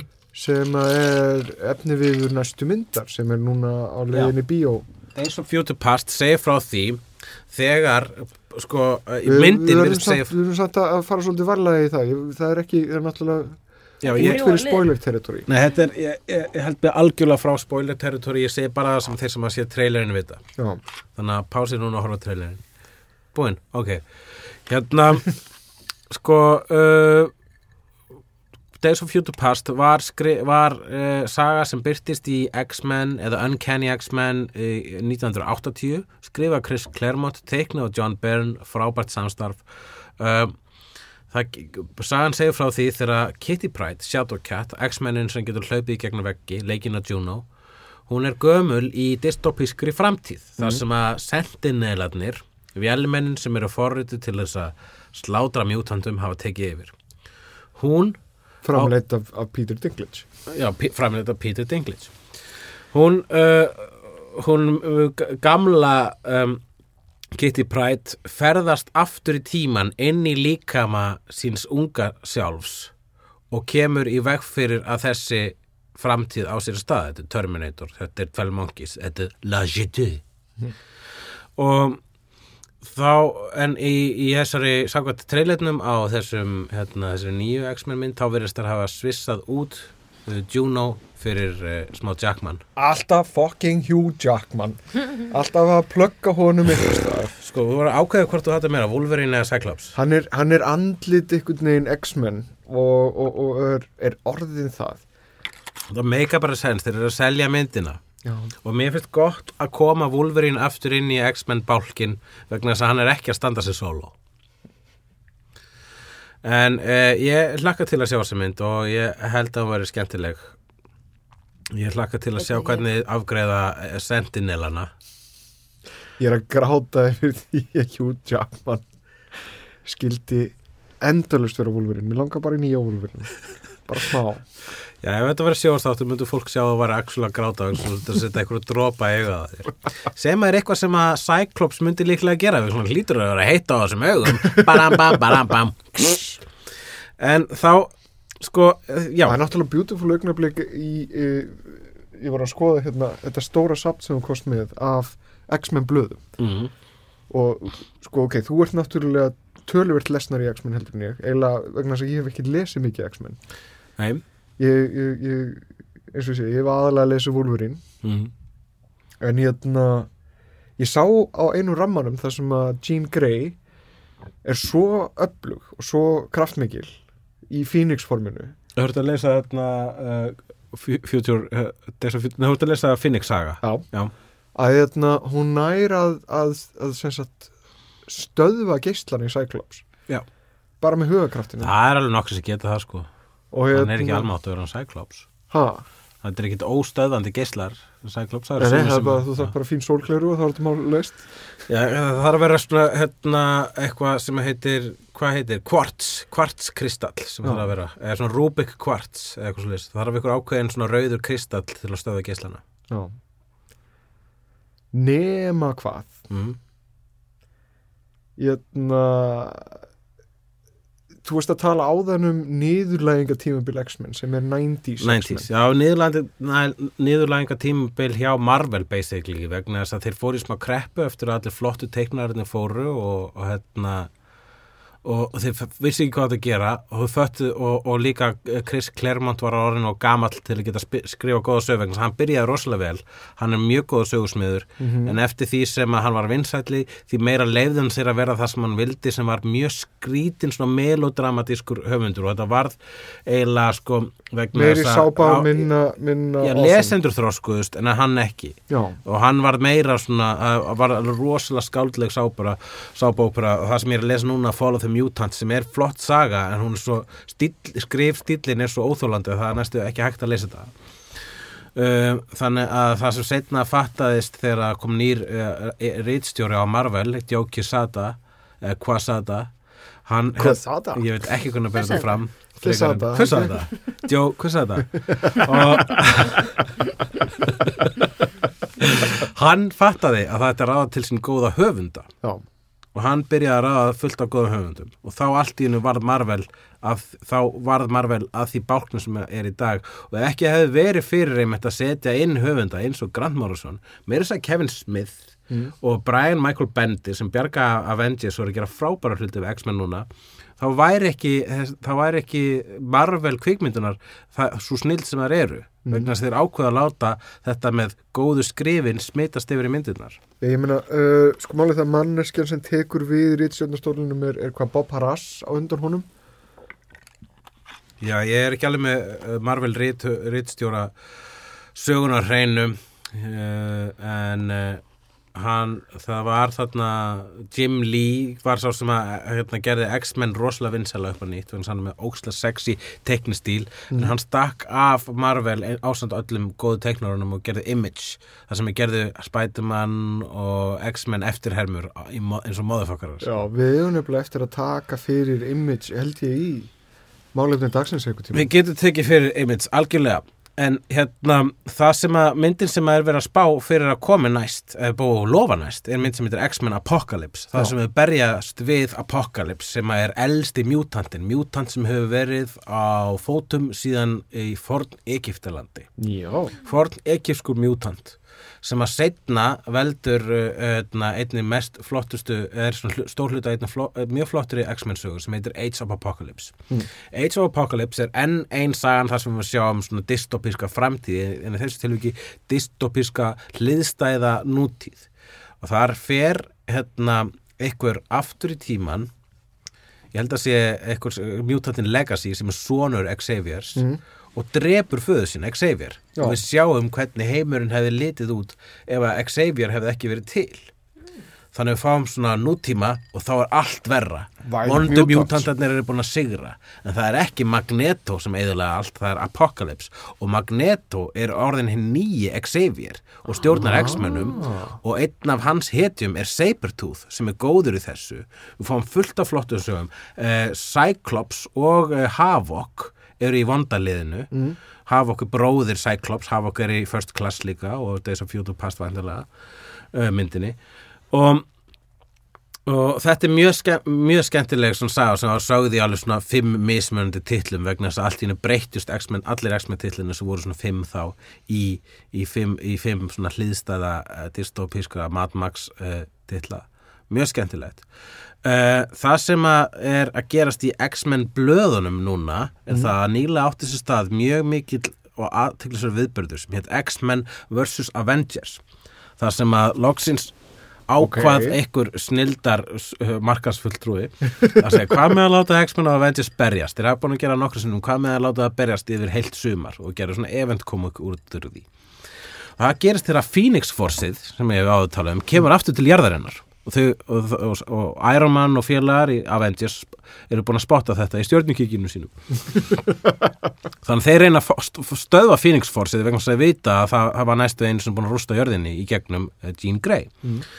Og nema það X-Men og þeir, þau halda þessi að fara í einn af einhverjum afkomendum er, hérna, Jean Grey sem heitir Hope Summers eða eitthvað svo leis og er svona enn ein úr framtíðinni klón bla bla bla.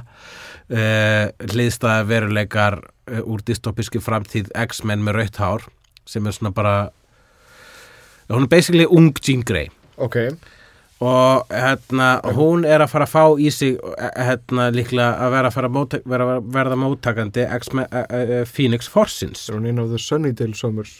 Já, þetta var aðeins flókið. Það sem gerist actually hérna, í þessu er að fimm X-Men fá á sig Phoenix Forceið það er ef ég mann rétt eh, Emma Frost, eh, Magic Colossus kannski og eh, allavega Cyclops ég man þetta ekki alveg.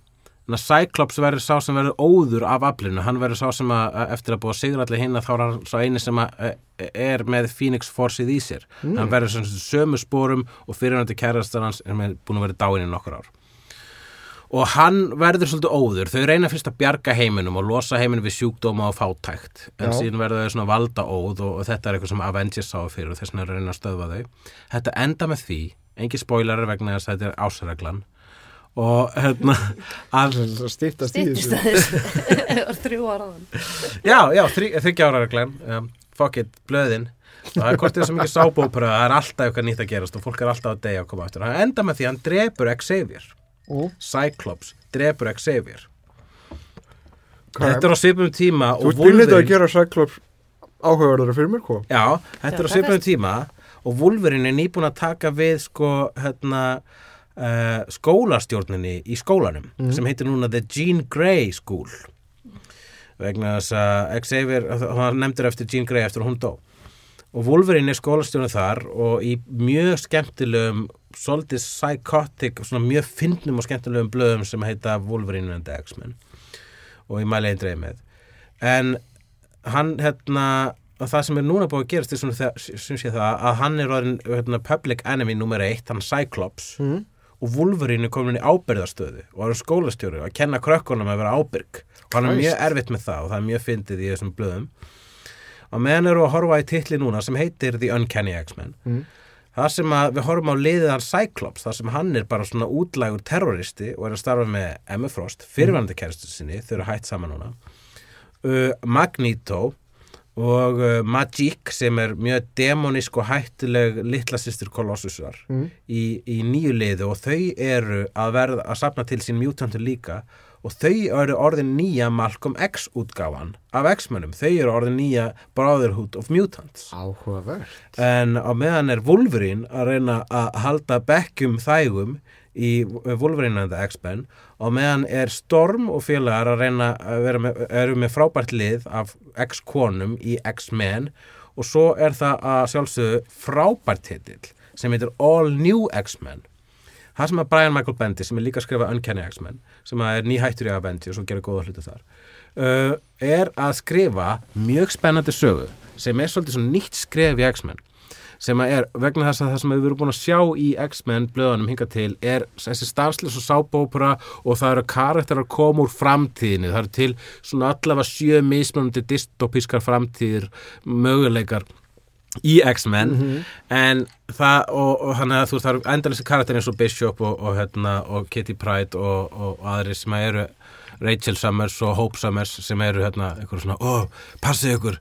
Þeir eru eftir að hata ykkur meira í framtíðinni Brian Michael Bendis ákvaða að snúa svo við og létt hann Beast einn af okkur uppáhalds X-mennum. Mm Beast er með mjög miklar áhyggjur af hvert X-menn stefna.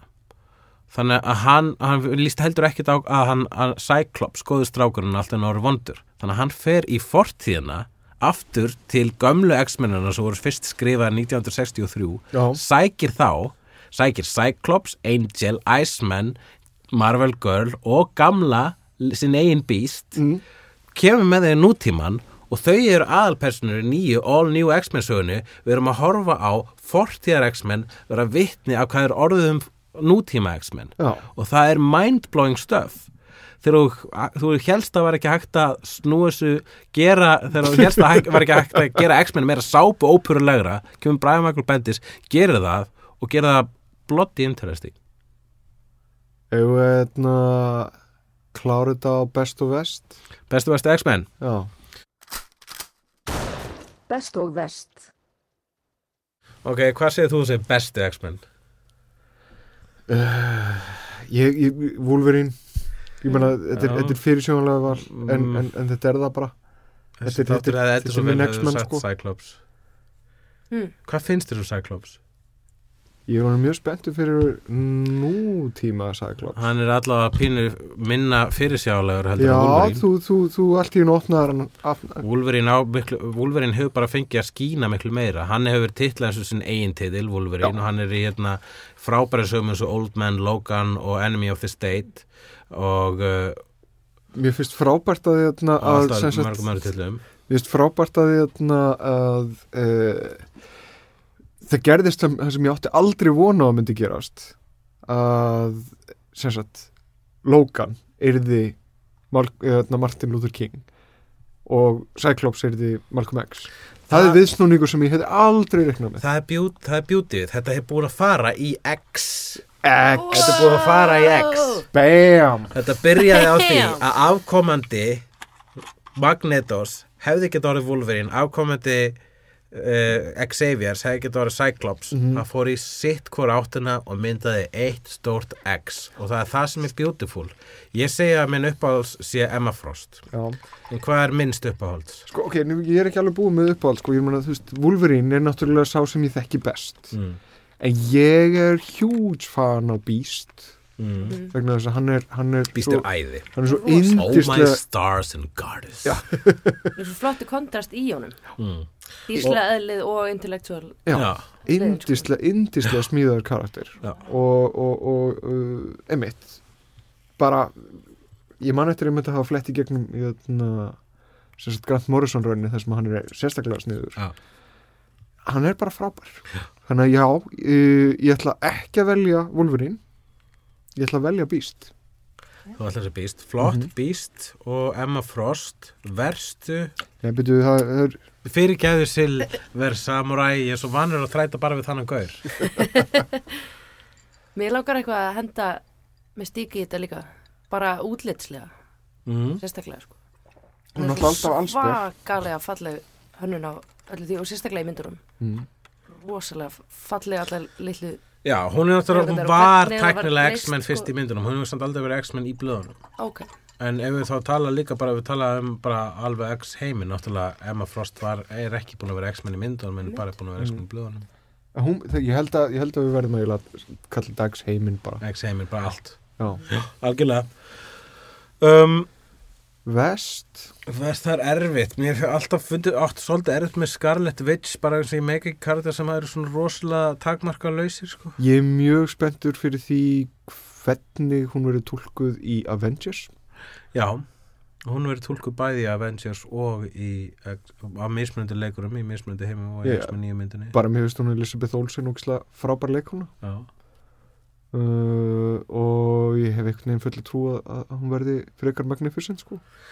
Ég get sagt sko haf okkar er pínu óspennandi karakter, bróðir hans uh, Cyclops sem er hérna í first class, hann er reyndar nýr, hann er reyndar svolítið sterkur hérna í nýri seri sem heitir The Uncanny Avengers þegar Captain America reynir að bjarga ímynd mutanta eftir að Cyclops dreipur Xavier með því að samena Avengers og X-Men og gerir Uncanny Avengers. Og Það er reyndar svolítið hot saga vegna þess að í fyrsta kaplanum er atriði þar sem að Red Skull er að taka heilan úr líki Charles Xaviers.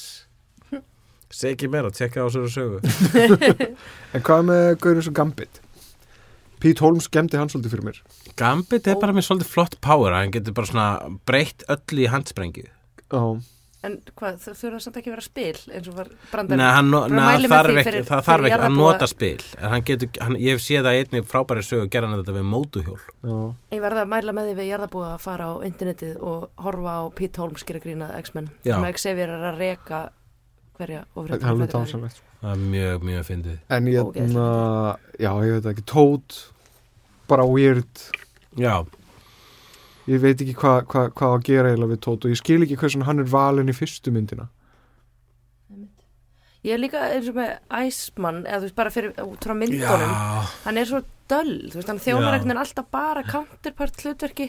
Hann er bara einhvers konar love interest fyrir rók aðna í smá stund og er í rauninu bara eitthvað svona andstæða hann svona, Já, hann er að deyta Kitty Pryde núna í, í blöðunum sko. Er þetta skemmtilegu karakter, minnst hann eitthvað svona Já, bara svo sem skrifar þetta núna er svo fyndin hann er, svo sem skrifar þetta núna er svo góður höfundur. Jason Aaron sem skrifa Wolverine and X-Men hann lit romantíkin að gerast um milli Kitty Pryde og, og Iceman og hann skrifar Iceman óslega vel. En ég held að ég sé bara svolítið ég held ég ætla að segja að Angel. hún, hún, ég ætla að segja að Scarlet Witch þarf að sanna sig en Emma Frost er best. Okay. Þú segir að Beast sé bestur og ég ætla, ég, ætla, ég ætla að henda í hérna sko undir í upphafið þessa spjalls. Það hefur verið alveg 100% Cyclops. Já, ég er ennþá þar, ég meni ég hef eftir að lesa þessa áhugaveri sögu. En vitið þið hvað, ég, ég ætla bara að, að uppgreita Cyclops. Frábær karakter. Hann er bara segja, marg slungnast í karakterinu að þeim öllum. Segja það bara Angel. Já, já, ok, hann er hitt auðveld að fóruna lambið. Já. Ég held að það sé Silla, þér þetta málið. Hvað sagði þú að vera vest? Mér finnst eitthvað Iceman svo óspennandi en Cyclops Já, er alveg hann að hátt uppi hjá mér sko, það er svo vælinn og einhvern veginn, ekki það er svona, já. Ekki neitt sérstaklega sexy skoðum og líka bara illalegt power. Já, já, þau eru það svo mörg, sko. hann sérstaklega. Reyndar er einn af mínum uppáhalds X-munum hérna sem heitir Kid Omega og er uh, karakter sem að byrjaði í X-Men, uh, New X-Men eftir Grant Morrison sem var svona pöngari sem að hérna, stage, uh, gerði uppreist í skólanum er algjör anarkisti. Mhm. og er eiginlega henn nýji Wolverine. Já, ég byrð, hann er með hann er hérna það er mjög flott kápa sem að Kid Omega er búin að hérna búin að krota á baðherbyggisvegg You remember when Wolverine was cool? Me neither. En já, er, eru samt ekki eða flesti saman að það að Wolverine er mest cool? Þrátt fyrir Jackman